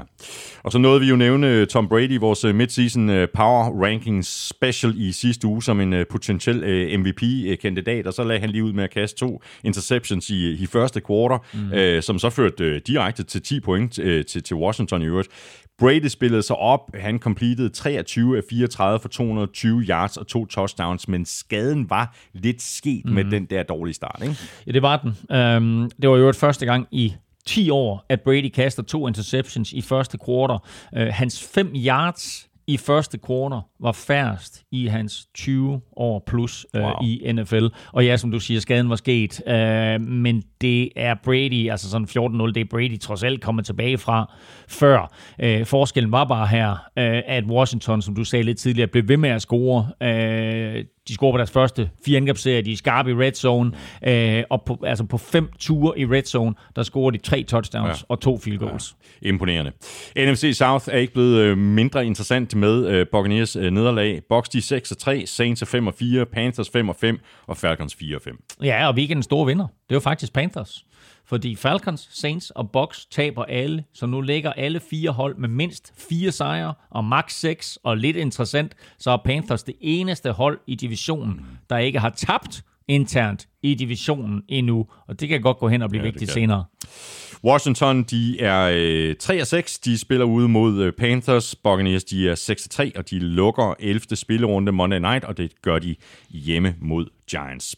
Og så videre til øh, Chargers, der øh, tog imod Vikings i øh, LA, og Vikings de kunne hoppe på flyveren retur til Minnesota med en sejr på 27-20 i bagagen. Det var en tæt kamp, ikke helt så tæt som mange af de andre kampe, som Vikings har spillet i år. Og da Chargers de Øh, pressede på, så svarede Vikings igen og fyrede to øh, faktisk øh, temmelig imponerende angrebsserier af. Den ene sluttede øh, med et øh, touchdown til øh, Tyler Conklin på fjerde down, og på den øh, efterfølgende serie, jeg mener det var, der løb øh, Vikings bolden på 8 af 12 spil, og øh, det var nærmest som om, at de, de sendte et signal, jamen ved du hvad, vi har tænkt os at løbe bolden, vi viser, at vi løber bolden, så mm. prøv at se, om I kan stoppe os, og det kunne de ikke. Og det her, det var vel lige præcis den afslutning i virkeligheden på en kamp, som det her Vikings-hold havde brug for. Ja, men når du siger det på den måde, så springer du faktisk de to store spil over, fordi Chargers har lige reduceret til 27-20, mm. får de bolden tilbage, så kan de udligne med et touchdown, Præcis. men uh, på 3 down og 7, der rammer Kirk Cousins Justin Jefferson for 27 yards, og lidt senere på tredje down og 20, der rammer Cousins Adam Thielen for 18 yards, som giver dem en fjerde down og to. Der går de efter den. Mm. Dalvin Cook løber til første down på et lille sweep ud til højre side, og så er kampen overstået. Det her det var en øh, kamp, hvor de øh, store playmakers øh, for alvor stemplede ind for Vikings. Øh, Dalvin Cook, som du lige nævner, øh, 24 løb for 94 yards, et touchdown plus tre grebne bolde for 24 yards. Justin Jefferson, ni bolde for 143 yards, og så greb øh, Adam Thielen 5 for 65 yards. Og så spillede Kirk Cousins øh, en øh, stabil kamp med 25 af 37 for 294 yards og to touchdowns og ingen interceptions, ingen store fejl for Cousins. Nej, men altså, han kaster jo i det hele taget meget, meget få interceptions, og selvom han jo sådan... Jeg synes jo nogle gange, at, at, at, at han er sådan lidt en joke øh, rundt omkring, men jeg synes også, at han spiller på et meget, meget højt niveau.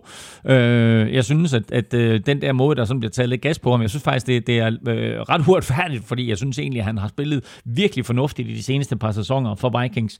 Øh, jeg roste ham lidt tidligere på sæsonen for et vildt play øh, imod Panthers, hvor han under under øh, tung pres for at complete en bold ind over midten. Øh, og det gør han endnu en gang her, hvor han jo på en fjerde down ned omkring mållinjen øh, under tung, tung pres får leveret en sukkerball hen over en forsvarsspiller og lige ned i hænderne på, øh, på tight end uh, Tyler Conklin for touchdown. Det var i øvrigt Conklins første kamp i karrieren med to touchdowns. Uh, husk på, at Vikings jo fik Irv Smith skadet inden sæsonen og sagde farvel mm. til Kyle Rudolph, så lige pludselig så den her tight end, som normalt er en blocking tight end, han har altså fået en meget stor rolle i kastangrebet for Vikings, uh, har grebet en hel del touchdowns, altså nu her to i weekenden mod Chargers. Der har jo ellers været sådan lidt uh, grus i uh, angrebsmaskineriet undervejs uh, i år for Vikings. Den her sejr må vel give fornyet håb om, at, at Vikings også kan tage kampen op mod Packers i divisionen, og de får jo chancen allerede nu her i weekenden, ja. hvor de to hold de mødes for første gang i år. Ja, og det bliver vildt, øhm, og det er heldigvis i Minnesota, og så er det jo et Packers-mandskab, der må undvære Aaron Jones, som Vikings jo traditionelt har haft lidt svært ved at kontrollere. Øh, jeg er fortrøstningsfuld, det vil jeg sige. Øh, og det vilde er, jeg ved godt, at det kan, det kan lyde som om, det er mit lille hjerte, der løber lidt af med mig her, men Vikings skulle altså sagtens have været 8-1, øh, eller 7-2 på, på nuværende tidspunkt. I stedet for, så er de jo sådan lidt ligegyldige 4-5, men øh, det er altså et ret godt mandskab, det her.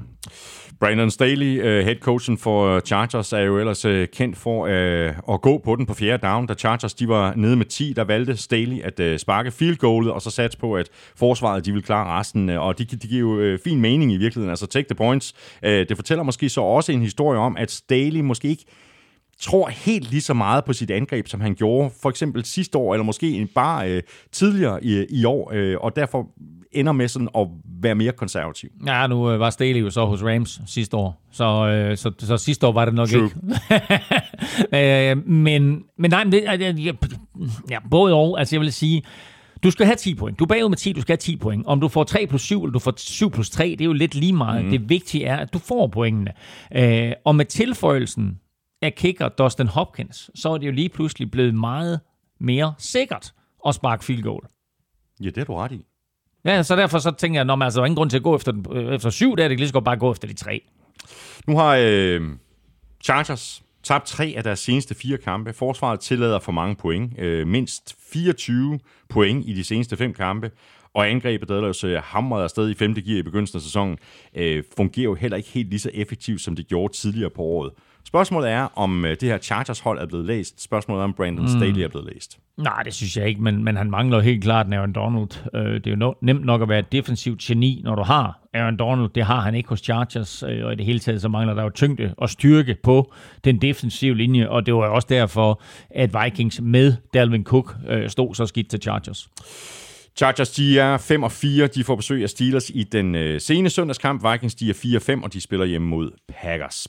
Så mangler vi bare en øh, enkelt kamp. Øh, Titans, de vandt hjemme med 23-21 over øh, Saints, og dermed har Titans vundet fem af de seneste seks kampe. Titans, de bragte sig foran med øh, 20-6 på et øh, touchdown i begyndelsen af anden halvleg efter en øh, fumble fra Saints på kickoff. Ren foræring fra Saints, der så kæmpede sig tilbage i kampen og rent faktisk endte med at presse på i fjerde kvartal. Ja, lad mig lige øh, korrekte fordi det er faktisk Titans 6. sejr i træk, og deres, det 8, og deres 8. af de sidste 9. Øh, og det er lidt vildt, især når de sidste to øh, er uden Derrick Henry, og de sidste fem, det kan være det, det du har tænkt på, de sidste fem er over hold, som alle var i playoffs sidste år. Men jeg simpelthen misset en kamp, så. Så ja, det er muligt. Ja. Men altså, nu napper, nu napper de Saints her. Øh, og ja, der var et par foræringer undervejs, og det var afslutningen også. Øh, Saints scorer jo til 23-21 de er altså bagud med to, men så laver de en false start på deres two-point conversion. Det betyder så bolden på 7 linjen i stedet for 2 linjen og her kaster Trevor Simeon så incomplete.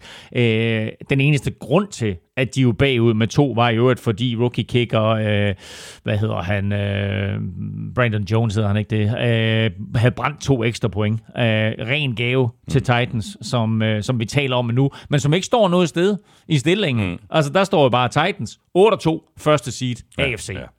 Det her Titans-angreb øh, ser, som du også lige var inde på, øh, jo noget øh, anderledes ud øh, uden Derrick Henry. Altså det havde vi selvfølgelig også regnet med, at de ville gøre, men de får altså kun 66 yards på jorden i den her kamp, genererer kun 264 total yards på angrebet, så det er ikke helt lige så eksplosivt, som det har været, og hvis øh, AJ Brown han bliver taget ud af kampen, så er det lidt svært for Ryan Tannehill sådan at få angrebet til at flyde det er i hvert fald sværere, end hvis han havde en Derrick Henry til at tage opmærksomheden. Ja, helt sikkert. Og, og øh, nok så Adrian Peterson kom til, og så havde de jo Jeremy McNichols i forvejen, men det er faktisk den tidligere Texans running back, Dante Foreman, der umiddelbart virker som starter. Øh, altså han får flest carries af alle. Han griber også to bolde i kampen. Øh, AJ Brown måtte i øvrigt øh, forlade kampen kortvarigt, og med øh, Julio Jones på injured reserve, og med Josh Reynolds fritstillet, så er det ikke fordi, at Titans ligesom vælter sig sådan i kendte receiver-navne. Nej, det er det virkelig ikke. Så bliver jeg også lige nødt til at nævne øh, Jeffrey Simmons, ja, Ja, den store mand. igen. Øh, Han var øh, her og der og, og alle vegne. Øh, Fantastisk kamp. 2-6, tre quarterback pressures, to taklinger for tab, og så et, øh, et kast øh, battet ned. Øh, En forholdsvis øh, OK dag på kontoret. Og vel at mærke, ugen efter, han lige har gjort det samme mod Rams, ikke? Altså, han spiller bare vildt, øh, og tænk på, at det var ham, som Titans jo tog chancen på i første runde af draften for to år siden, ikke? Altså, øh, hvor han var øh, udset til at være et top 10-pick, får en knæskade i college.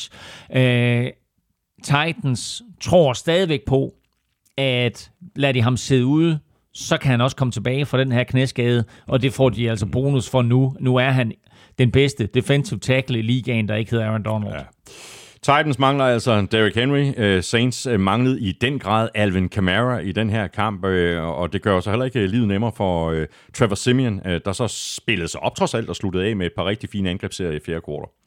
Ja, og det er anden uge i træk, at, at Simeon jo øh, starter langsomt, og så skal lave et stort comeback i de døende sekunder. De var lige, det var lige ved at lykkes i sidste uge mod Falcons, og det var lige ved at lykkes mod Titans, men faktum er, at øh, Saints har tabt dem begge, og de er gået fra 5 og 2 med James Winston til 5 og 4 med Simeon.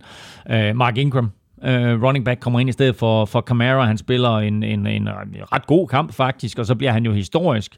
Han er nu oppe på 6.124 løbeyards i Saints-uniformen, og dermed så overhaler han jo Dukes McAllister og holder nu Saints-rekorden. Og Saints, de er 5 og 4. De spiller ude mod Eagles. Titans, de er 8 og 2, og de spiller hjemme mod Texans. Dermed kom vi igennem øh, alle kampene fra 10. spillerunde. Lige om lidt, der skal vi have sat vores picks til uge 11. Vi skal også omkring øh, både Otterquisten og tips -tolleren. Og så skal vi forhåbentlig have nogle rigtige svar i quizzen. Det er jo dybest set kun dig, der mangler at, at svare på quizzen i dag, men det beklager jeg meget, det der i begyndelsen. Inden vi gør det, så skal vi lige omkring uh, dit uh, momentometer, Elming, og se, om, uh, om der er sket noget i, i top og bund. Jamen, der skete jo noget, som jeg sagde, altså... Øh, jeg havde, jeg havde egentlig lavet det, og, og var sådan set klar. Øh, etter bliver Titans. Ikke? Altså Cardinals taber, så etter bliver Titans, to bliver Packers, og så havde jeg Rams liggende der på tre, og så nu er spørgsmålet, er det så Cardinals, der skal ned på træerne, eller skal Cowboys op på træerne? Hvad med Patriots? Mm. Så jeg har ikke lige helt øh, gjort, gjort mig øh, tanker omkring, hvem der skal overtage det der tredje plads der fra, fra Rams, men øh, Rams ryger i hvert fald et godt stykke ned. Mm. Og når du øh, får lavet momentometeret og helt så, færdigt, Og så, og så fik Lions jo faktisk en uafgjort. Så der er jo en vis, så- vis sandsynlighed for, at de kommer væk fra bunden jo. de buller op ned for bunden. Ja, ja, præcis. Godt, når du har fået skrevet øh, det her momentometer færdigt, Elming, så øh, smider du det selvfølgelig op på øh, gulklud.dk, hvor øh, momentometeret det jo altid ligger. Vi skal have quizzen. Åh, oh. Det er tid til quiz, quiz, quiz, quiz, quiz.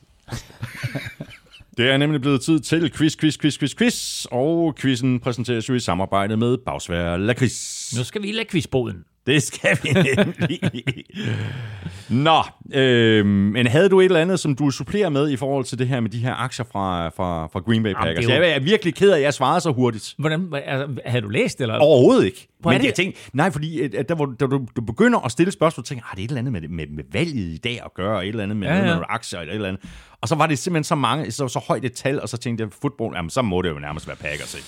Altså, jeg spurgte dig, hvad kan du købe i dag kl. 15, som koster ca.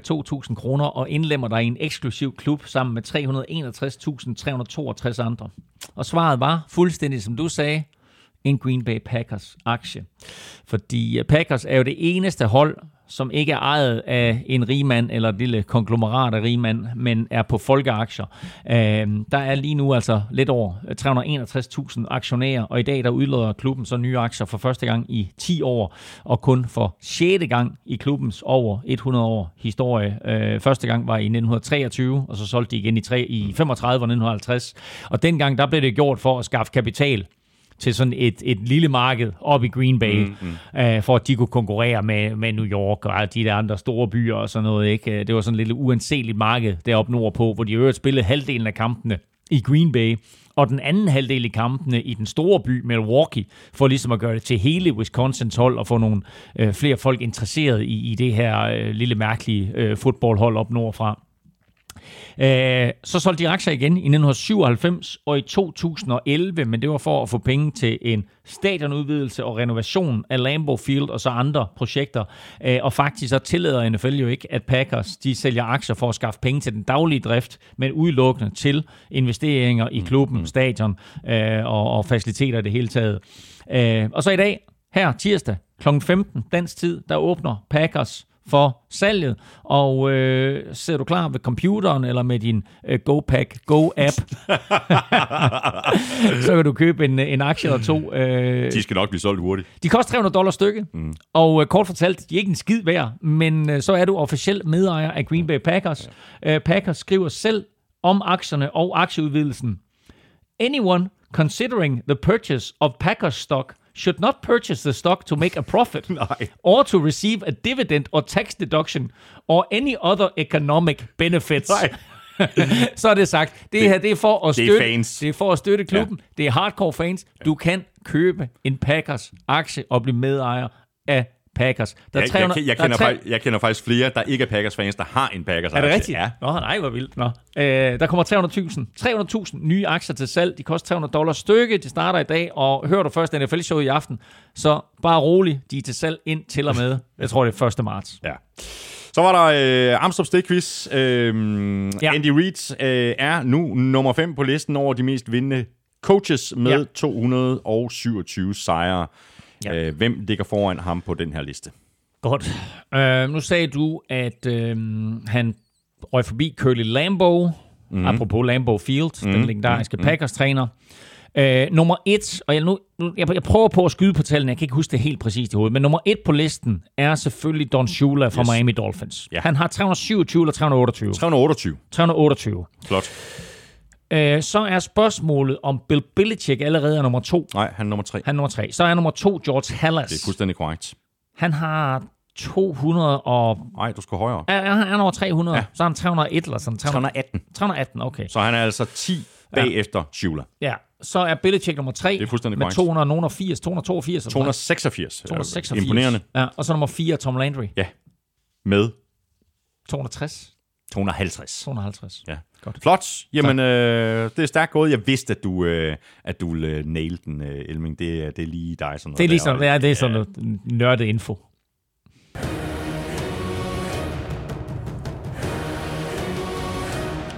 Det er lige præcis øh, nørdet info, og øh, hermed så er vi øh, fremme ved øh, Otterquizzen, og det er jo her, at øh, du hver eneste uge har chancen for at vinde øh, 200 kroner til din blå konto på Otter.dk, og det har du, hvis du rammer plet på de øh, udsagn i Otterquizzen, som ender med at holde stik. Det gjorde udsagn 3 og 4. Den kombination var der så desværre ikke nogen, der ramte, så bedre held i den her uge. Vi lægger en ny Otterquiz op på vores øh, Facebook-side i morgen, og så har du ind til klokken 19 på søndag til at svare. Og hvis du rammer plet, så har du altså givet dig selv chancen for at vinde 200 kroner til Odds.dk. Og så kan jeg bare lige informere, at øh, vi ikke laver den samme bummer, som vi, øh, vi lavede i sidste uge, hvor vi, og vi smed en, en torsdagskamp på, øh, på den her øh, Det er da for. Der var deadline, der var deadline søndag, Søndag kl. kl. 19. 19. 19. Ja, præcis. Ja. Det var dumt deres, ikke? Sådan er det. Nå, der er kun øh, tre krav for at være med i den her lille leg. Du skal være mindst øh, 18, du skal bo i Danmark, og så skal du have en øh, blå konto hos Odset, og det skal du simpelthen for at kunne modtage din øh, præmie, hvis du vinder. Så er vi fremme ved øh, Tips 12-kupongen, øh, der jo ligger på øh, tips.dk under Tips 12 søndag. Øh, og, der var heller ikke nogen jackpot den her gang. Øh, der var simpelthen øh, flere kampe, der, der drillede lidt. Øh, ikke mindst øh, det her kryds i Lions-Steelers-kampen selvfølgelig. Men der var øh, ni rækker med øh, 11 rigtige. De får hver 2.098,5 krone. Og øh, de øh, 125 rækker med 10 rigtige, de får hver 151 kroner. Og den øh, nye Tips 12 kupon er øh, allerede oppe på Tips.dk under Tips 12 søndag. Der er øh, 100.000 kroner i første præmiepuljen hver eneste uge, og det beløb det deles så mellem de tipper, som har øh, 12 rigtige, så hvis du er den eneste, der rammer plet, jamen, så vinder du altså 100.000 kroner, og så er der altså også præmier til 11 og 10 rigtige.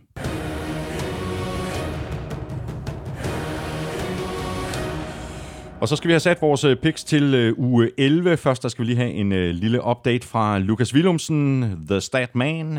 Chiefs fik gang i angrebet, skriver Lukas, og det sikrede Claus en rundesejr på 7-6, og dermed udbygger Claus sin føring til 89-85.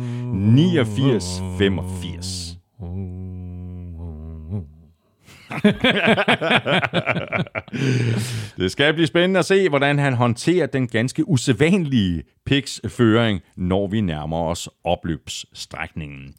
Thomas kan dog glæde sig over endelig at få ramt på en Saints-kamp, og dermed er en 0-17-sæson udelukket for jer begge, fordi Thomas øh, bliver det så heller ikke en øh, 17-0-sæson for nogen hold, men øh, Claus har faktisk stadig chancen, for han er nemlig fortsat undefeated i Texans kampe. Til gengæld øh, fortsætter Thomas sin øh, gode stime i Vikings kampe, hvor han nu har ramt øh, rigtigt otte gange i streg. Øh, det kan være, at den øh, 9. bliver svær at ramme. Vikings tager i den kommende runde imod Aaron Rodgers og company, og Thomas har misset de seneste fire indbyrdes opgør mellem Vikings og Packers. Um. Og jeg vil bare lige sige det sådan, at øh, den der Vikings-Packers er bare en af temmelig mange kampe i den her 11. spillerunde, som jeg er meget i, øh, i tvivl om. Der er, øh, det, jeg synes godt nok, det er nogle svære matchups. Det er det, og det er det især blevet også, fordi vi har haft tre spiluger her, som nulstiller alt, Ja, præcis. hvad vi ved om Exactly. den her Ja, exactly. NFL-sæson. Eller hvad vi troede, vi vidste. Nå, men det, det er det, ja, præcis. Ja. Altså, vi vidste jo en hel del Ja, ja. Efter, efter seks spiluger, ikke? Og nu er der så spillet 10 uger, og så tænker vi, ja, nu ved vi alligevel ikke så meget, som vi troede, vi nej, vidste. nej, det er det. To hold er på bye week. Det er Broncos og Rams. Øhm, ja, vi tager dem fra en ende af. Falcons, Patriots. Ja, Patriots. Patriots. Jeg troede godt nok lige, Nej. at gå med Falcons. Det er jo et uh. Cordell, Cordell Patterson muligvis skadet, ja. Ja, sad ud i fjerde kvartal. Ja, Øh, forbedrer jo ikke ligefrem Falcons nej, chancer. det kan man ikke sige. Eagles, Saints. Så er vi på laden. Ja. Jamen, jeg er sgu fræk og siger, siger Eagles. Jamen, så er jeg lige så fræk. Fordi jeg har også skrevet Eagles. Ja, hvor det, det er irriterende. Ja, Nå. det er det. Okay. Jets, Dolphins. Ja. Kom så. Dolphins. Dolphins. Panthers, Washington. Gyser. Gam. Ja, men jeg, jeg, jeg går med Panthers. Gam. jeg, siger, jeg siger også Panthers. Øh, Bills, Bills, Colts. Fed, fed. Er- fed kamp. Det er nok den kamp, ud over Packers Vikings, jeg glæder mig allermest til. Bills Colts. Bills, Colts. Bills Colts. Og jeg tager Bills. Ej, hvor er det vildt, mand. Ja. Um, ja, jeg går også med hjemmeholdet. Bills. Browns, Lions. Browns. Det skal være Browns. Ja. Jaguars, 49ers. Nu skal du bare se, nu tager 49ers til Jacksonville og taber. Og taber, efter, ja. efter de har Jeg vil, lige, jeg vil lige sige en ting omkring det her, fordi det er faktisk noget, NFL de normalt holder sig fra. For Niners har spillet Monday Night Kamp. Hmm. Og så skal de rejse faktisk den absolut... Ikke, altså, til Miami er lige en tak længere for dem, end til Jacksonville. Men det er under omstændigheder til. Men altså, det er sådan 10 minutter eller sådan Ja, noget ekstra. ja, ja. Øh, det der med at skulle rejse til Østkysten, Det er ikke godt. på tværs af USA, Nej. efter du har spillet Monday Night Kamp, det er faktisk meget sjældent, at NFL mm. de gør det, mm. og det kan godt være en uh, fordel for, for Jaguars, men for the Niners, de skal vinde den her kamp. Ja, jeg siger, øh, du, du siger 49ers, jeg siger også 49ers. Niners. Øh, Titans, Texans. 100 point på Titans. Titans. Vikings, Packers. Ja. Nu er du spændt på at høre, hvad jeg siger. Kom så med det. Jeg tror på jer. Gør du? Ja, Det gør jeg også. Jeg sætter mine penge på, på Vikings. Nej, jeg håber du tager to Packers. Jeg tager også Vikings. Bears, Ravens. Ravens. Ravens. Raiders. Men, men jeg vil lige sige... Altså, det, det, er, det, er en, det er en kamp, som Bears godt kan vinde. Jamen, det er det da. Ja. Nå, Det er det. Men okay, Ravens, ja. Ja, hvis Justin Fields spiller, som ja. Ja. Justin Fields gjorde sidst vi så ham, ikke? Ja. Og, øh, og, og hvis Bears kan køre et, et forsvar, Ja, som- eller, eller, eller det, som vi så Dolphins køre, ikke? Jo, og Så- en, ja. satte fuldstændig en prop i Lamar Jackson og det Præcis. her angreb, ja. Nå. Men jeg siger stadigvæk Ravens. Ja. Og det gør du også, eller Jeg siger Ravens. hvad? Øh, Raiders, Bengals. Det er ikke nogen nem kamp. Nej, det er det godt nok ikke. Nej. Raiders så ikke godt ud, og det er det ikke gjort i to uger. Nej. Jeg siger Bengals. Ja, jeg har, jeg har også Bengals. Jeg havde først skrevet Raiders, ja. Ja. øh, men de har lige præcis ikke set øh, specielt overbevisende ud de seneste to uger. Øh, Seahawks, Cardinals. Seahawks hjemme med Russell Wilson mm. mod Cardinals. Mm. Måske, måske ikke med Kyler Murray. Mm. Cardinals. Cardinals. Chiefs, Hjemme. Cowboys. Chiefs hjemme. De tidligere Dallas Texans mod de nuværende Dallas Cowboys. Jeg siger det modsatte af dig. Okay, så siger jeg det modsatte af dig. Hvad siger du? Chiefs. så tager du, jeg- du skal have Cowboys. Du har lovet det. Du har lovet det. Det er okay. Jeg har skrevet Chiefs, men jeg tager Cowboys. Ja, og dem var jeg også meget i tvivl om. Ja. Jeg var godt nok meget i tvivl. Jamen, ja, ja, ja, det er fint. Ja. Ja. Jeg, jeg, Ja. jeg går med Cowboys. Chargers Steelers. ja. Chargers. Chargers. Så skal du tage det modsatte. Nej, det skal jeg ikke. Ikke der. Men så, tag det, så, så tager du det modsatte i den sidste kamp. Jeg tager Okay. Buccaneers over Giants. Okay, så tager jeg... Not. Giants har lige siddet over. Det er korrekt. Kan Giants gøre det samme med Tom Brady, Skal jeg svare som, kort? som Washington lige gjorde? Skal jeg svare kort på det? Jamen prøv at høre. Jeg lover dig, det ikke er umuligt. Så tag Giants. Hvis du tror så meget på de der blå fra, fra, fra New York, eller fra New Jersey er det jo, Ja. så tag dem. Tag dem. Jeg tager box. Nej. Nå. Du er en tøsdreng. Det er der ikke. Det er du da i hvert Det er fald. dig, der er tøsdreng. Hvorfor er jeg en tøsdreng? Det er du bare. Stærkt argument. Jamen, så lad det være de sidste ord, øh, Claus Elming. Tak for nu. Det har været hyggeligt. En I fornøjelse. I lige måde. En fornøjelse som altid. Så hvad, kan vi lige få pikstillingen igen? Jeg tror, det stod 89-85. Ja, du fører... Ja. Nej, du, jeg, du fører med fire, ikke? Jo. Ja, de dumme svin. Jeg skal nok komme efter dig. Nå, fornøjelse som altid, Elming. Og øh, hvis du også synes, at det har været en øh, fornøjelse, så øh, kunne du overveje at stikke os en anmeldelse et af de steder, det er muligt. For eksempel i Apple Podcasts. Du kan også øh, købe lidt af vores merchandise i shoppen, som du finder på nflshow.dk-shop. Du kan også bare trykke på linket, der ligger øverst på nflshow.dk. Det ligger lige ved siden af linket til tier.dk, hvor du kan støtte os med et valgfrit beløb, hver gang vi uploader en ny episode. En femmer eller en tier gør en kæmpe forskel. Tak for øh, alle anmeldelserne. Tak til alle, der har handlet, og ikke mindst et øh, kæmpestort øh, tak til dig, hvis du allerede støtter os på tier.dk. Vi kunne ikke gøre det uden din opbakning. Følg Elming på Twitter på snablag NFLming. Mig kan du følge på snablag Thomas Kvartrup. Du kan også følge showet, og det kan du på både Twitter, Facebook og Instagram. Det er der, du kan kommentere og stille spørgsmål, og det kan du også på mail snablag nflshowet.dk. Husk at støtte vores gode venner og samarbejdspartnere, Tafel og Otset fra Danske Licens Licensspil. De støtter nemlig os. Og i øh, forhold til øh, Odset, Husk, at man skal være minimum 18 år og spille med omtanke. Har du brug for hjælp til spilafhængighed, så kontakt Spillemyndighedens hjælpelinje Stop Spillet eller udluk dig via Rufus. Regler og vilkår gælder. det gør de nemlig. Regler og vilkår gælder. Det var alt for i dag. Tak for nu. NFL-showet er produceret af Kvartrup Media, der også producerer PL-showet og Born Unplugged. Drengene på PL giver dig alt om Premier League hver mandag. Lars Trier Mogensen og jeg høvler dansk politik igennem hver fredag. Elming er altid det tunge giver over på Velropa-podcasten, og så er Elming og jeg ellers tilbage igen i øh, næste uge med meget mere NFL. Ha' det godt så længe. Hot odds.